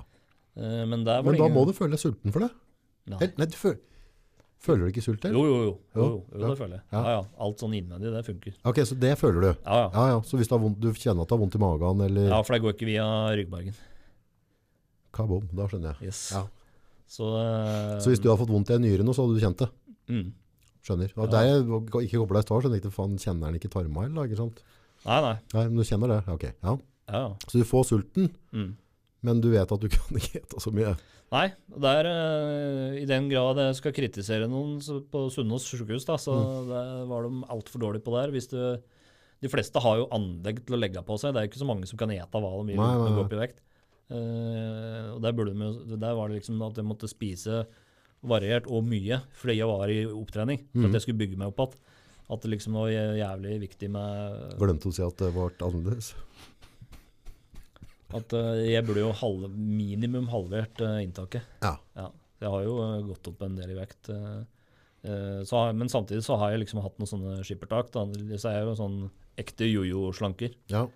Så litt sånn 10-12 kilo opp og ned, liksom. Men så lenge arma fungerer bra, at det ikke blir for tungt, da, for jeg gjør jo jævlig mye ja, det, kan- blir tyngre å trille og alt, vet du. ja, også, også forflytninger, ja. Det er jo drittungt. Mm. Altså forflytte meg jo ifra, ifra stol til bil, ifra stol til sofa, fra stol til seng og tilbake. Så det blir jo gjerne 12-15 forflytninger i løpet av en dag. Så hadde du fått banka ned 20 kilo i vekt, så hadde det vært stor forskjell. Er du gæren? Da hadde jeg ikke hatt mye problemer med armene, for å si det sånn. Det, det er liksom komisk, for det En, en fettcelle, da, har jeg fått forklart. Nå får folk bare arrestere meg, men jeg har vært litt sånn nerd når det gjelder mat og sånn, synes det var alltid interessant med sånne ting. Mm. Men hvis du ser for deg en, en type ballong, en, si at du har en, en mindre ballong nå, så tar du en bingoturs, og så sånne så gode gamle runde bingoturs, og så kan du sette prikker på den. Ja. Det er da antall reseptorer på den fettcella. Mm. Det vil si hvor mottagelig den er, for hvor flink er den cella til å lagre fett. Mm. Så flere reseptorer du har, jo lettere er det å lagre fett. Problemet er når vi blir tjukkebollfeita og legger på oss, så veks, da er det som å blåse av luft i den ballongen. Så blir den ballongen kanskje dobbelt så stor da. Ja. Og hvis du da går på med bingotursen der, så blir ikke det dobbelt så mye. For, altså, dette er jo kvadrat. Så med en gang den cella blir større, så får du helvete mye mer sånne reseptorer. Og da holder det at du stikker tunga bort på en stratos, og så legger du på deg. ja, hør der. Så, for jeg husker før når jeg trente mye, så hvis jeg på en måte hadde slanka meg ordentlig ned, løgget nede i vekt, sånn at jeg stramma vekk alt fettet, og da skrymper disse fettcellene litt, Mm.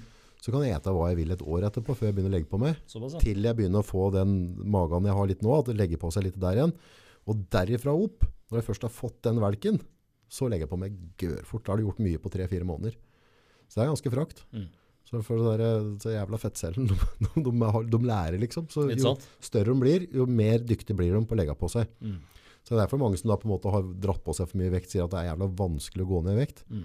Uh, og det er helt sant, for de, de må være enda, enda strengere Mm. enn en som er mindre da. Ja, ikke sant. Ja, så rett og slett du har potente fettceller. Mm. Jævla dritt. Det er noe dritt. Hvordan justerer du maten din nå da? For da må du gå og være mye sulten da.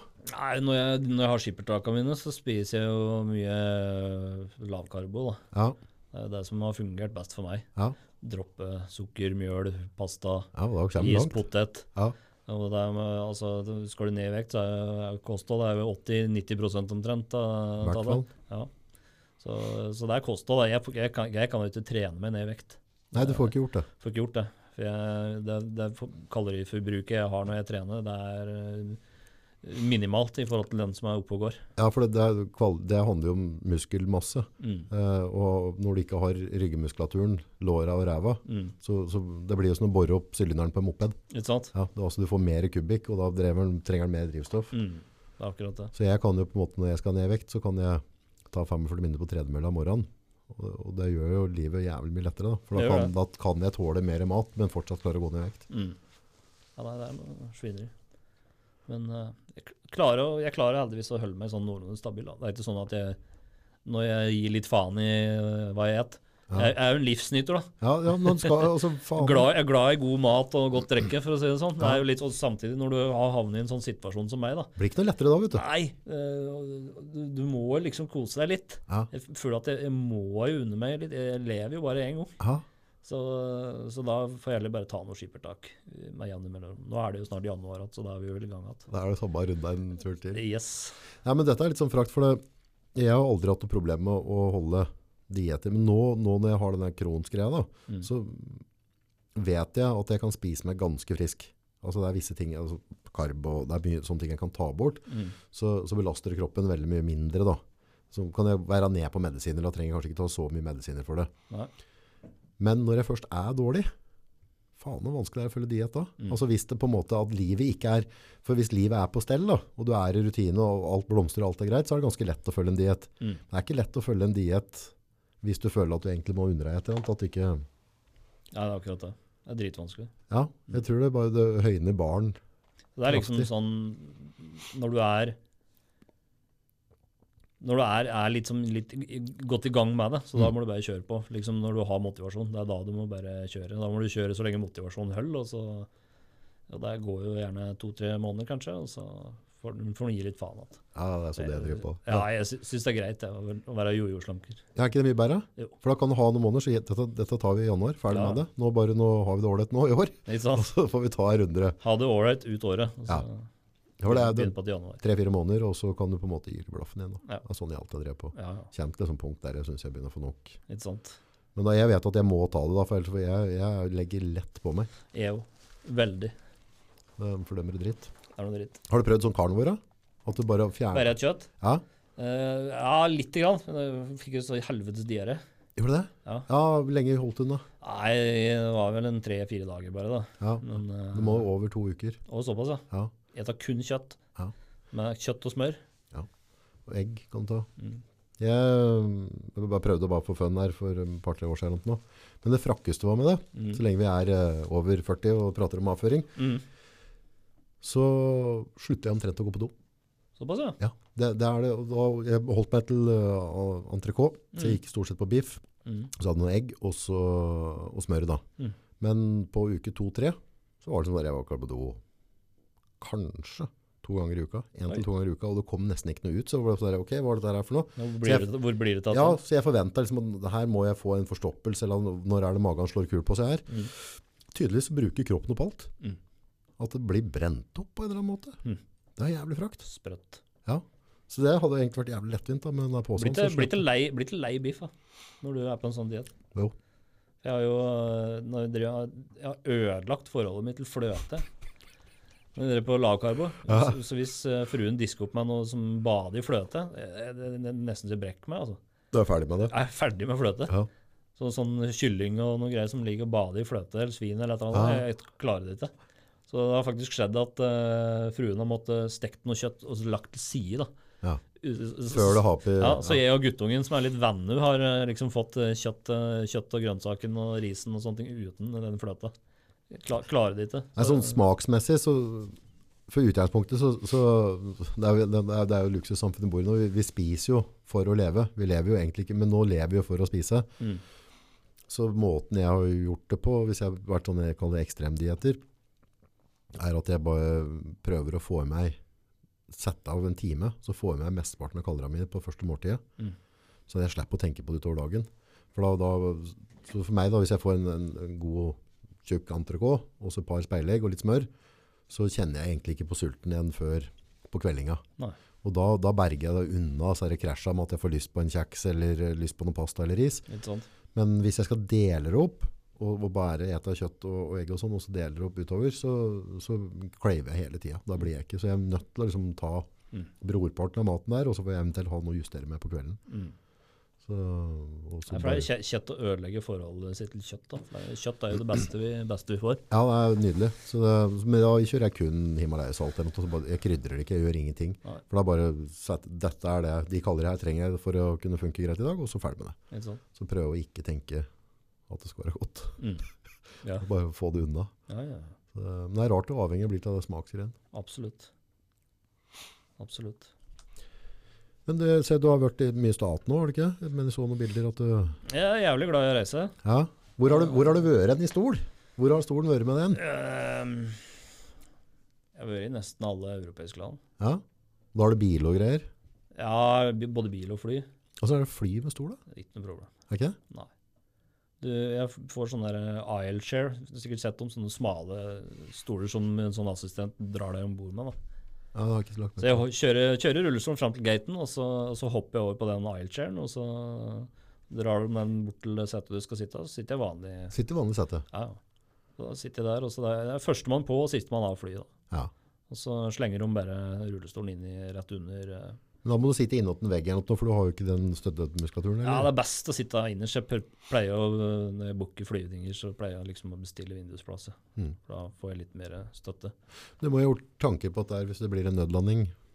Altså, Før så Ja, kunne du på en måte ha en plan om å komme deg ut. Siste, Sistemann av, jeg. Ja, Ja, ja, ja.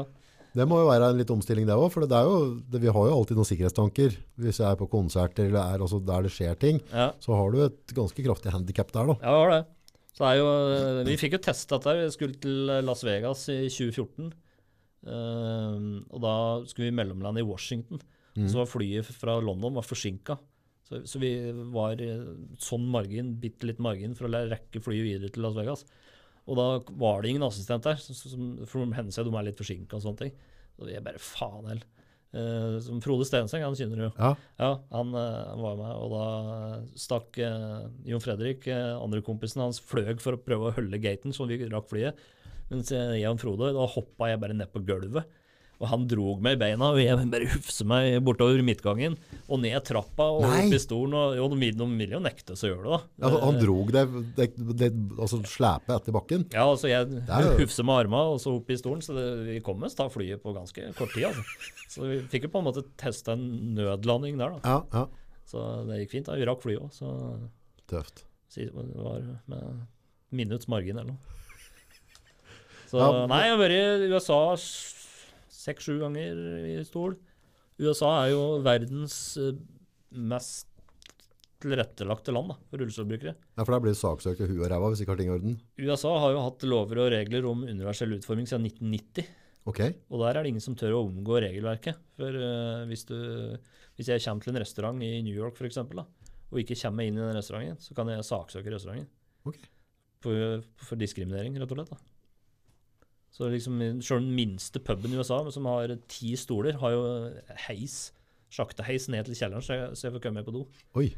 Det er helt unikt. Det må Så- være helt perfekt for deg reisa her, da. Helt gull. Ja.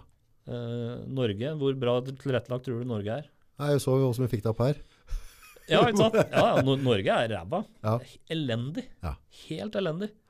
Uh, Oslo er en av Europas uh, storbyer i Europa, så er Oslo den eh, byen som er dårlig, blant de byene som er dårligst tilrettelagt. Ja.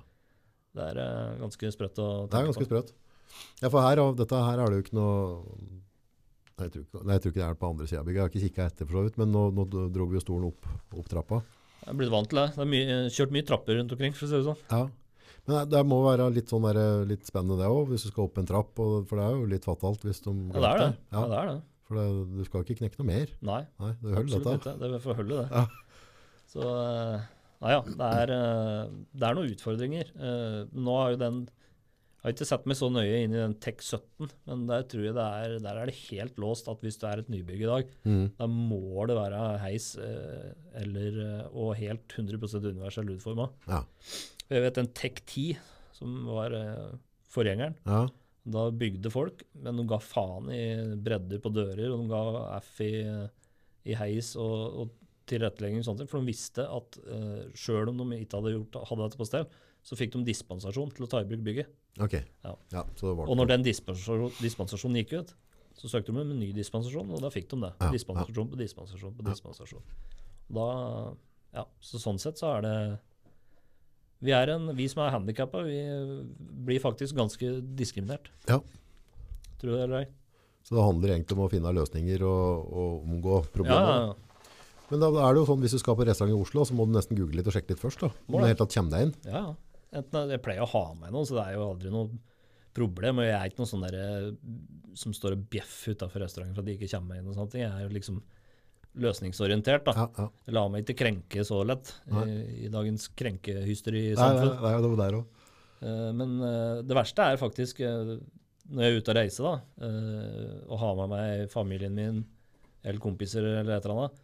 Og da er det jeg som har bestilt hotellrommet. Det er jeg som har booka restauranten.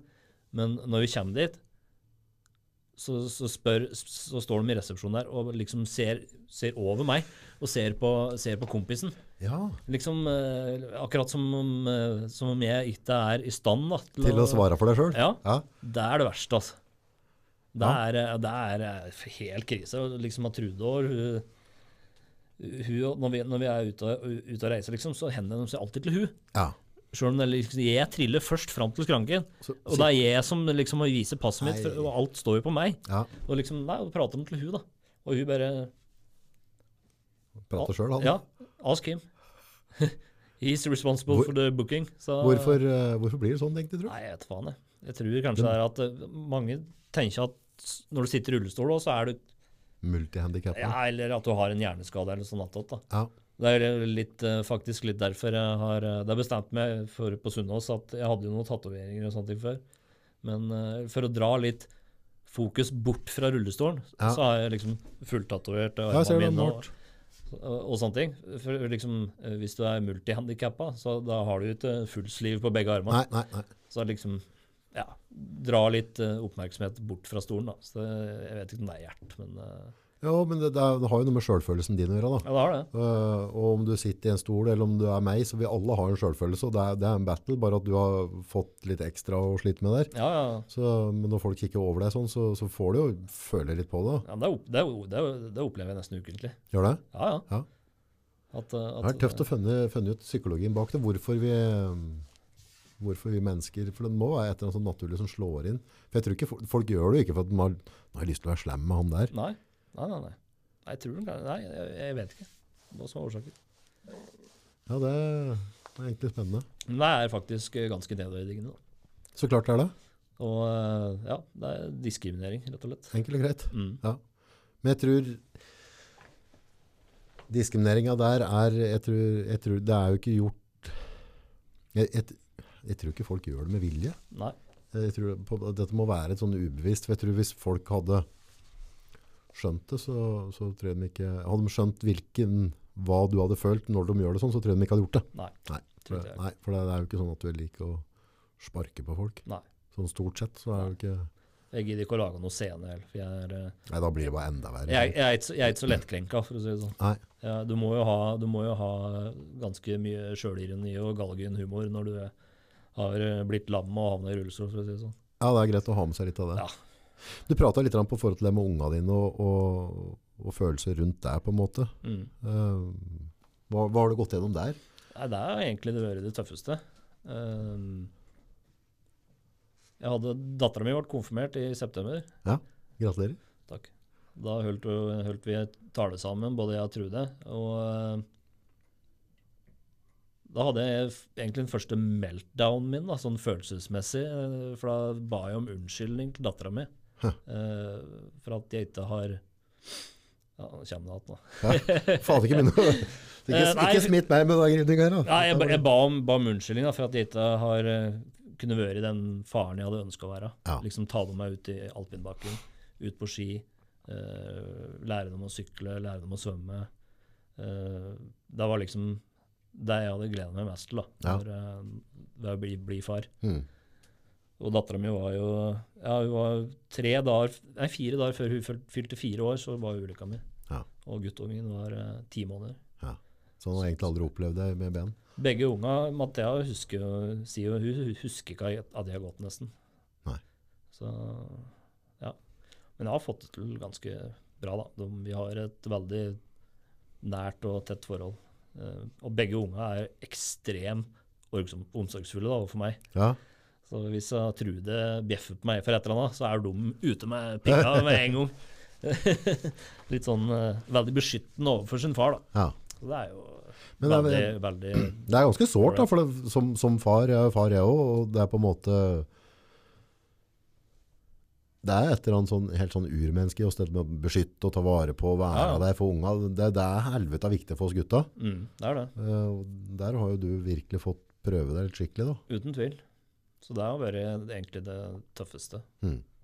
Dårlig samvittighet overfor unga mine og, eh, og Trude, kona Mm. mi, da, for at jeg satte dem i den situasjonen. Men samtidig så er det jo Så hun skal jo ha veldig mye honnør. Hun er jo eh, Altså, noen sier at jeg er en maskin, men eh, det, hun er eh, Hun er en større maskin enn meg, for å si det sånn. Ja. Hun har hengt på skikkelig. Ja, fy fader. Riv gjønn av ei kjerring. Ja, for det er, det er en del karer som mister frua si etter noe sånt, for å si det sånn. De, de fleste gjør faktisk det. Ja, jeg tror det er mer Den statistikken er ganske dårlig, altså. er det Ja, Så det er mange, mange forhold som går dukken etter at, at, så at hun da har vært så tålmodig med meg òg. Jeg, har nok ikke vært den letteste å ha med å gjøre alltid. Nei, altså jo, ja, når du havner i en sånn situasjon, så blir du jo ganske desperat i mange tilfeller. og du har liksom, Vi har hatt våre ups and downs, da, for å si det sånn. ja. Men uh, vi har fått det til å fungere. Og det gjør det fortsatt. Jeg så jo noen dokumentarer i forkant før det kom nå, og da tenkte, en av de tingene jeg tenkte på, liksom, er hvis jeg hadde blitt satt i en situasjon der da, jeg vet jo på en måte at uh, ofte når du får noe dårlig ut av meg da, så er det noe jeg føler meg dårlig selv. Altså hvis jeg på en måte er i vater og har det bra, så er jeg ganske enkel å ha med å gjøre, men jeg kan bli mer nebbete. Og så går jeg, har jeg vondt i ryggen, går med smerter, Mm. så, så er jeg ikke like trivelig på morgenen. Altså, og det, han, det er jo ikke sånn at jeg går og hyler til unga, men det blir en sånn litt sånn negativ måte å snakke altså, det er nega, ne, avru- altså, Du er nebbete fugl, rett og slett. da. Høres veldig kjent ut. Eh, og der, Hvordan har du takla det? Altså, har, har du vært bevisst på det hele tida? At nå er det følelsene mine som snakker, som gjør at jeg på en måte besvarer på en sånn måte? Jeg var nok uh, verst i begynnelsen, Ja. uh, men etter hvert så har jeg blitt veldig, veldig tålmodig. Mm. Jeg var, jeg var på, på en tur her med søstera mi, og hun har ikke kjent meg i alle år. ikke sant? Og liksom, og vi i Grønvoll er jo notorisk utålmodig. ja. Uh, men altså, hun drev stress stressa og masa, så satt jeg bare helt rolig og bare kula. Ja. Hva er det som har skjedd med deg, liksom? Eh, Du har jo, du har jo fått tålmodighet. ja. Så eh, det tror jeg er litt av nøkkelen til at vi har fått det til å lykkes så bra på hjemmebane. At, eh, at jeg har endra meg der, da. Og liksom blitt mer tålmodig og, og tolerant og tillitsfull, rett og slett. Men det handler jo om å ha en forståelse på seg sjøl òg. For det, på en måte, hvis du, hvis du er grinete, og hvis du skjønner hvorfor du er grinete, altså du har smerte, du har hovne hender, Mm. så, så går det an å snu om den reaksjonsmønsteret. At Mm. den tiltaler folk på en annen måte. Ja, ja. Eh, men han må ofte være klar over hvorfor han er som han, eller altså hvorfor han opplever og føler det som han gjør. da. Ikke sant. Ja, det er en vanskelig balansegang, dette her. Absolutt. Har eh, ulykka påvirket noen positiv retning? Er det, er det ting du ser som, har, som du ikke ville vært for uten med det? Jeg har blitt eh, benhard psykisk, tror jeg. Ja. Jeg tror det. Og ja, jeg har blitt mer tålmodig. Og jeg har blitt veldig mye mer takknemlig. Um, To-tre år etter ulykka mi så hadde jeg han gode gamle Grøtta som le- fastlege vikar. Ja.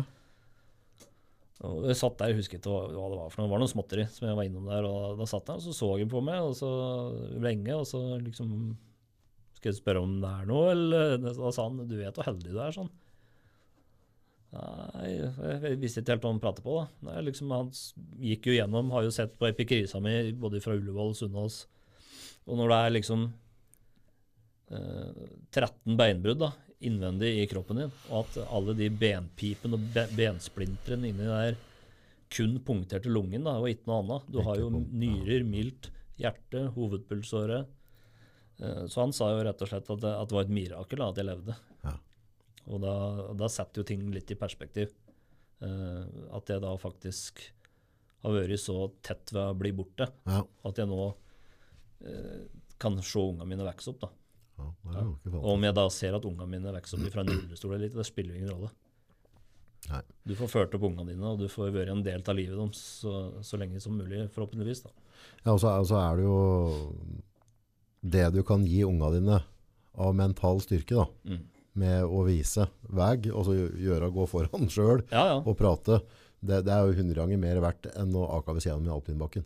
absolutt. For hvis ikke huet ditt er på plass, så kommer vi ingen sted her i verden. Gjør ikke det. Det, det, alt sitter jo mellom øra. Så jeg tror at Uh, Så du har, kan hatt en styrke der du kan være med å Ja, altså jeg tror de allerede har fått en ballast òg. Altså, det- de har jo vært gjennom et traume, de òg, eh, sammen med meg. da. mm. Så jeg tror de har fått en veldig fin ballast og vinkling på livet og livssituasjonen. da. Mm. Så det tror jeg absolutt. Så det er bra. Det er bra. Så jeg, sånn sett så har jeg, samla sett så har jeg egentlig drappa meg veldig mye positivt. Må føles jævlig bra å lykkes med butikken nå. At jeg ikke har hatt, drevet så sunt. Absolutt. For det er liksom med tanke på at du egentlig skal gjøre det, det er jo sånn, sånn sted som det er tøft. da. Ja, ja. ja. Nei, altså Alle liker en underdog. Ja, det, er, eh, det har vært et eventyr, rett og slett. Og eh, jeg hadde jo liksom litt som mål at eh, Den jobben har jo vært på en måte det beste den beste rehabiliteringa for meg. Mm. Det var å grave meg ned i jobb når jeg mista alle hobbyer og fritidsaktiviteter og sånne ting. Så var det, Jeg har jo jobb, jobba som en idiot, rett og slett. da. Eh, mange i bransjen mener at jeg er klin gæren. Som har Kjørt på, ja. ja, ja, ja. Så får jo mye anerkjennelse og respekt uh, sånn sett. da. Men samtidig så Litt av målet mitt òg var jo at jeg skulle prøve å sikre framtida til ungene mine. Mm. Fordi det er jo ikke å stikke under en sten at eh, folk som lever i mange år med ryggmargskade, vi, ikke, vi når ikke snittalderen for eh, norske menn, for å si det sånn. Gjør det ikke? Nei. Det blir, blir en god del komplikasjoner og sånn et- etter hvert. Sant? Kroppen er jo ute i bruk, ikke sant. Så vis, visner. Ok. Nei, jeg har, jeg har ikke sett noe snittalder, da, men eh, ja. Det er, det er nok bare å ta i utgangspunkt at det faller fra gjerne ti år før de andre. Det er noe faens dritt. Æsj, det er mange år til. Ja, som jeg sier, jeg står med ene, ene benet i grava, og du står med ene hjulet i grava. Så. Ja, ikke sant? Ja, nei, vi, ja, altså, det er mye som kan... Men det er jo litt spesielt å tenke på, at den ble på en måte frarøva noen år der. Ja, nei, vi vet jo ikke, da. Nei. Eh, men eh, vi tar det som det kommer. En annen ting jeg tenkte på, eh, hvordan takla far din dette? Eh, Han er den kuleste typen jeg vet om. ja. Uh, nei, han tok det jævlig tøft. Uh, og han, Fattern har aldri hatt noe sånn kjempenært forhold til sin far. Og, jeg, og det har jeg heller ikke. Vi grønnvollere er litt sånn. Ja, Vi, vi, vi skryter ikke av hverandre. nei, nei, Vi, nei. vi gir til hverandre noe særlig anerkjennelse og sånne ting. Men samtidig så vet vi at vi er glad i hverandre og sånne ting allikevel. Eh, Men eh, jeg føler at, eh, at den, den ulykka og, og perioden etter, den knytter meg og faren min tettere Ja, enn det var før ulykka. ja. Så det er jo en positiv ting å, å, å ta med seg. Uh, Men fatteren har jo, jeg vet at fatteren har hatt, det er noe heller aldri sagt, da, men jeg vet at han har hatt jævlig skyldfølelse for at det var han som kjøpte motorsykkel opp meg da jeg var 13-14 år gammel. Og han som liksom, Forfatteren kjører jo motocross sjøl, Mm. og, og det var liksom han som fikk meg inn på det sporet. Og han har jo hatt litt sånn skyldfølelse da, over at det var eh, motocrossen som skulle sende meg i, i rullestol.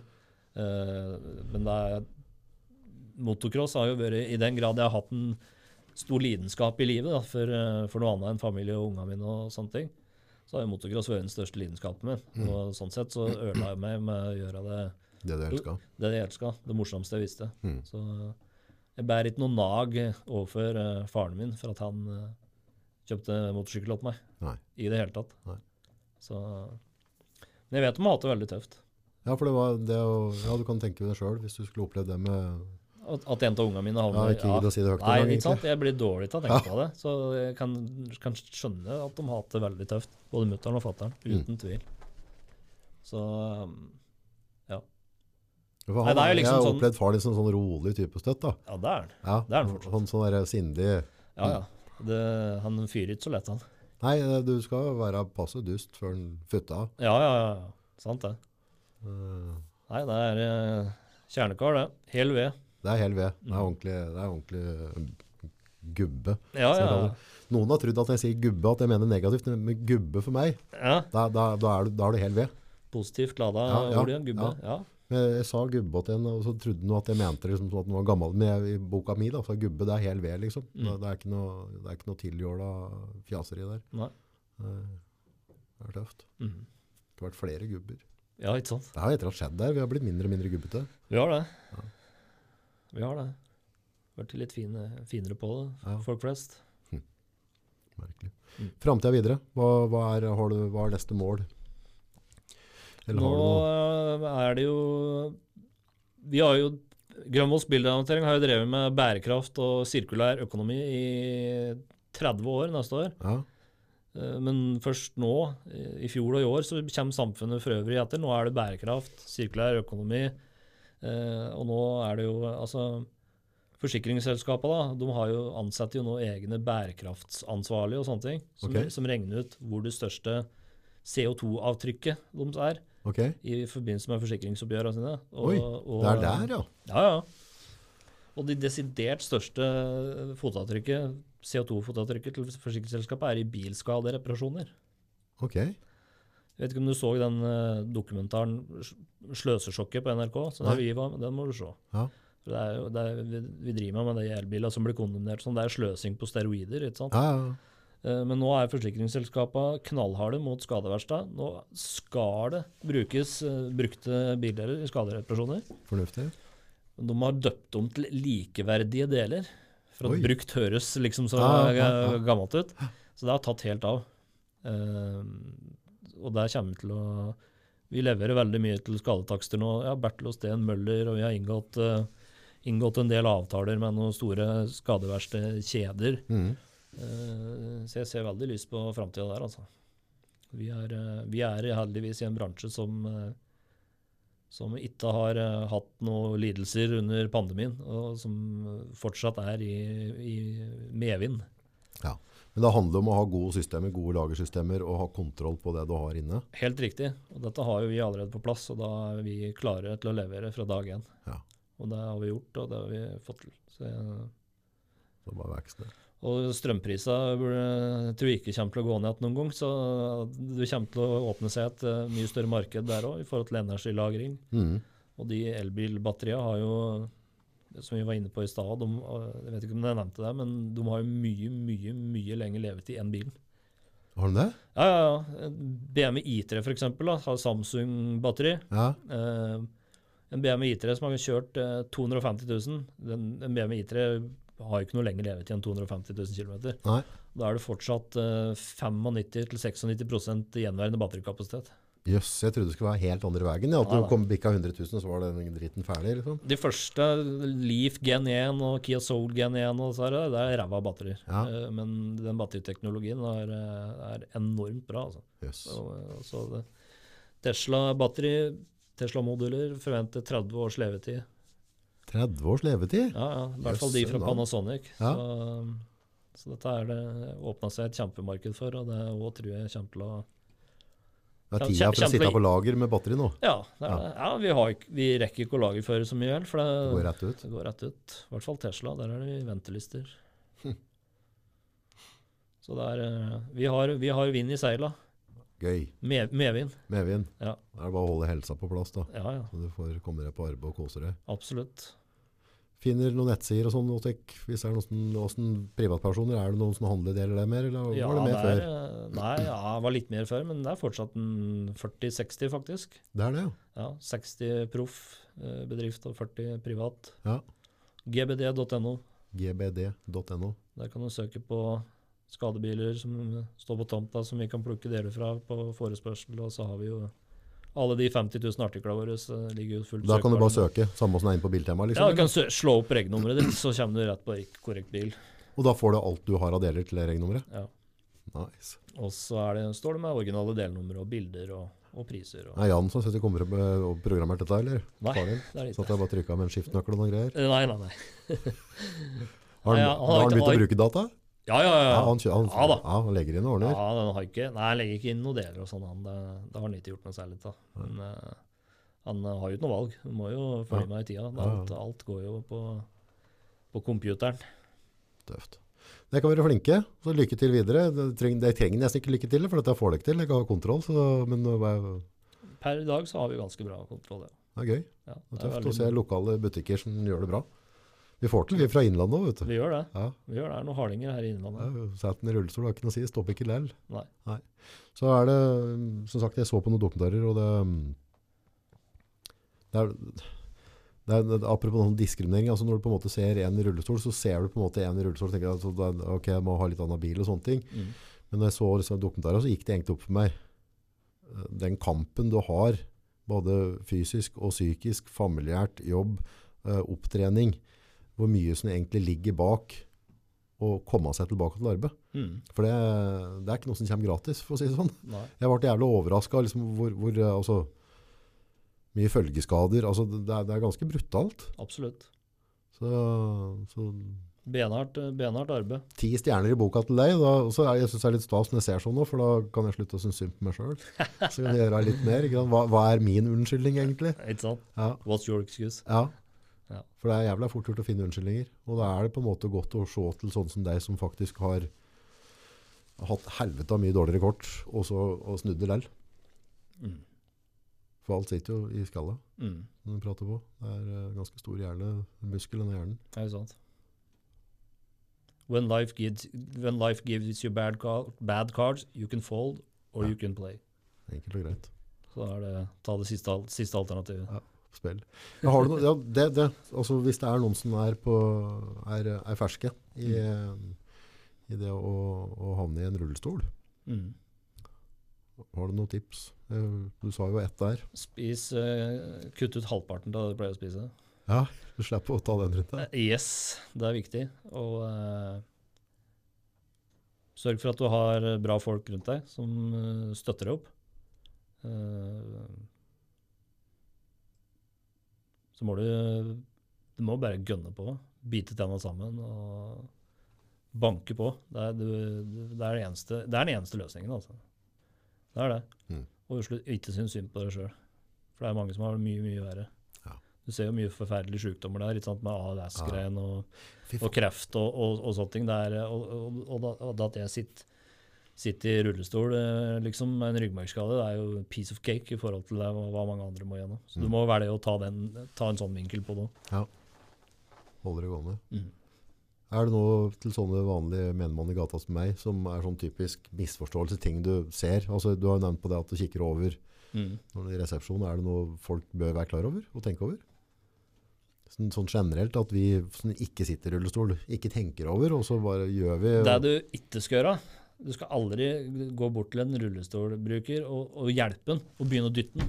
Nei, Nei. for det er irriterende. Ja, sant? Det blir akkurat som om du går bortover gata, så kommer det en kar og skal begynne å skyve deg bortover. Ja, hva faen er det for noe? Da har du hørt forbanna. Ja, hjulet er jo bena mine.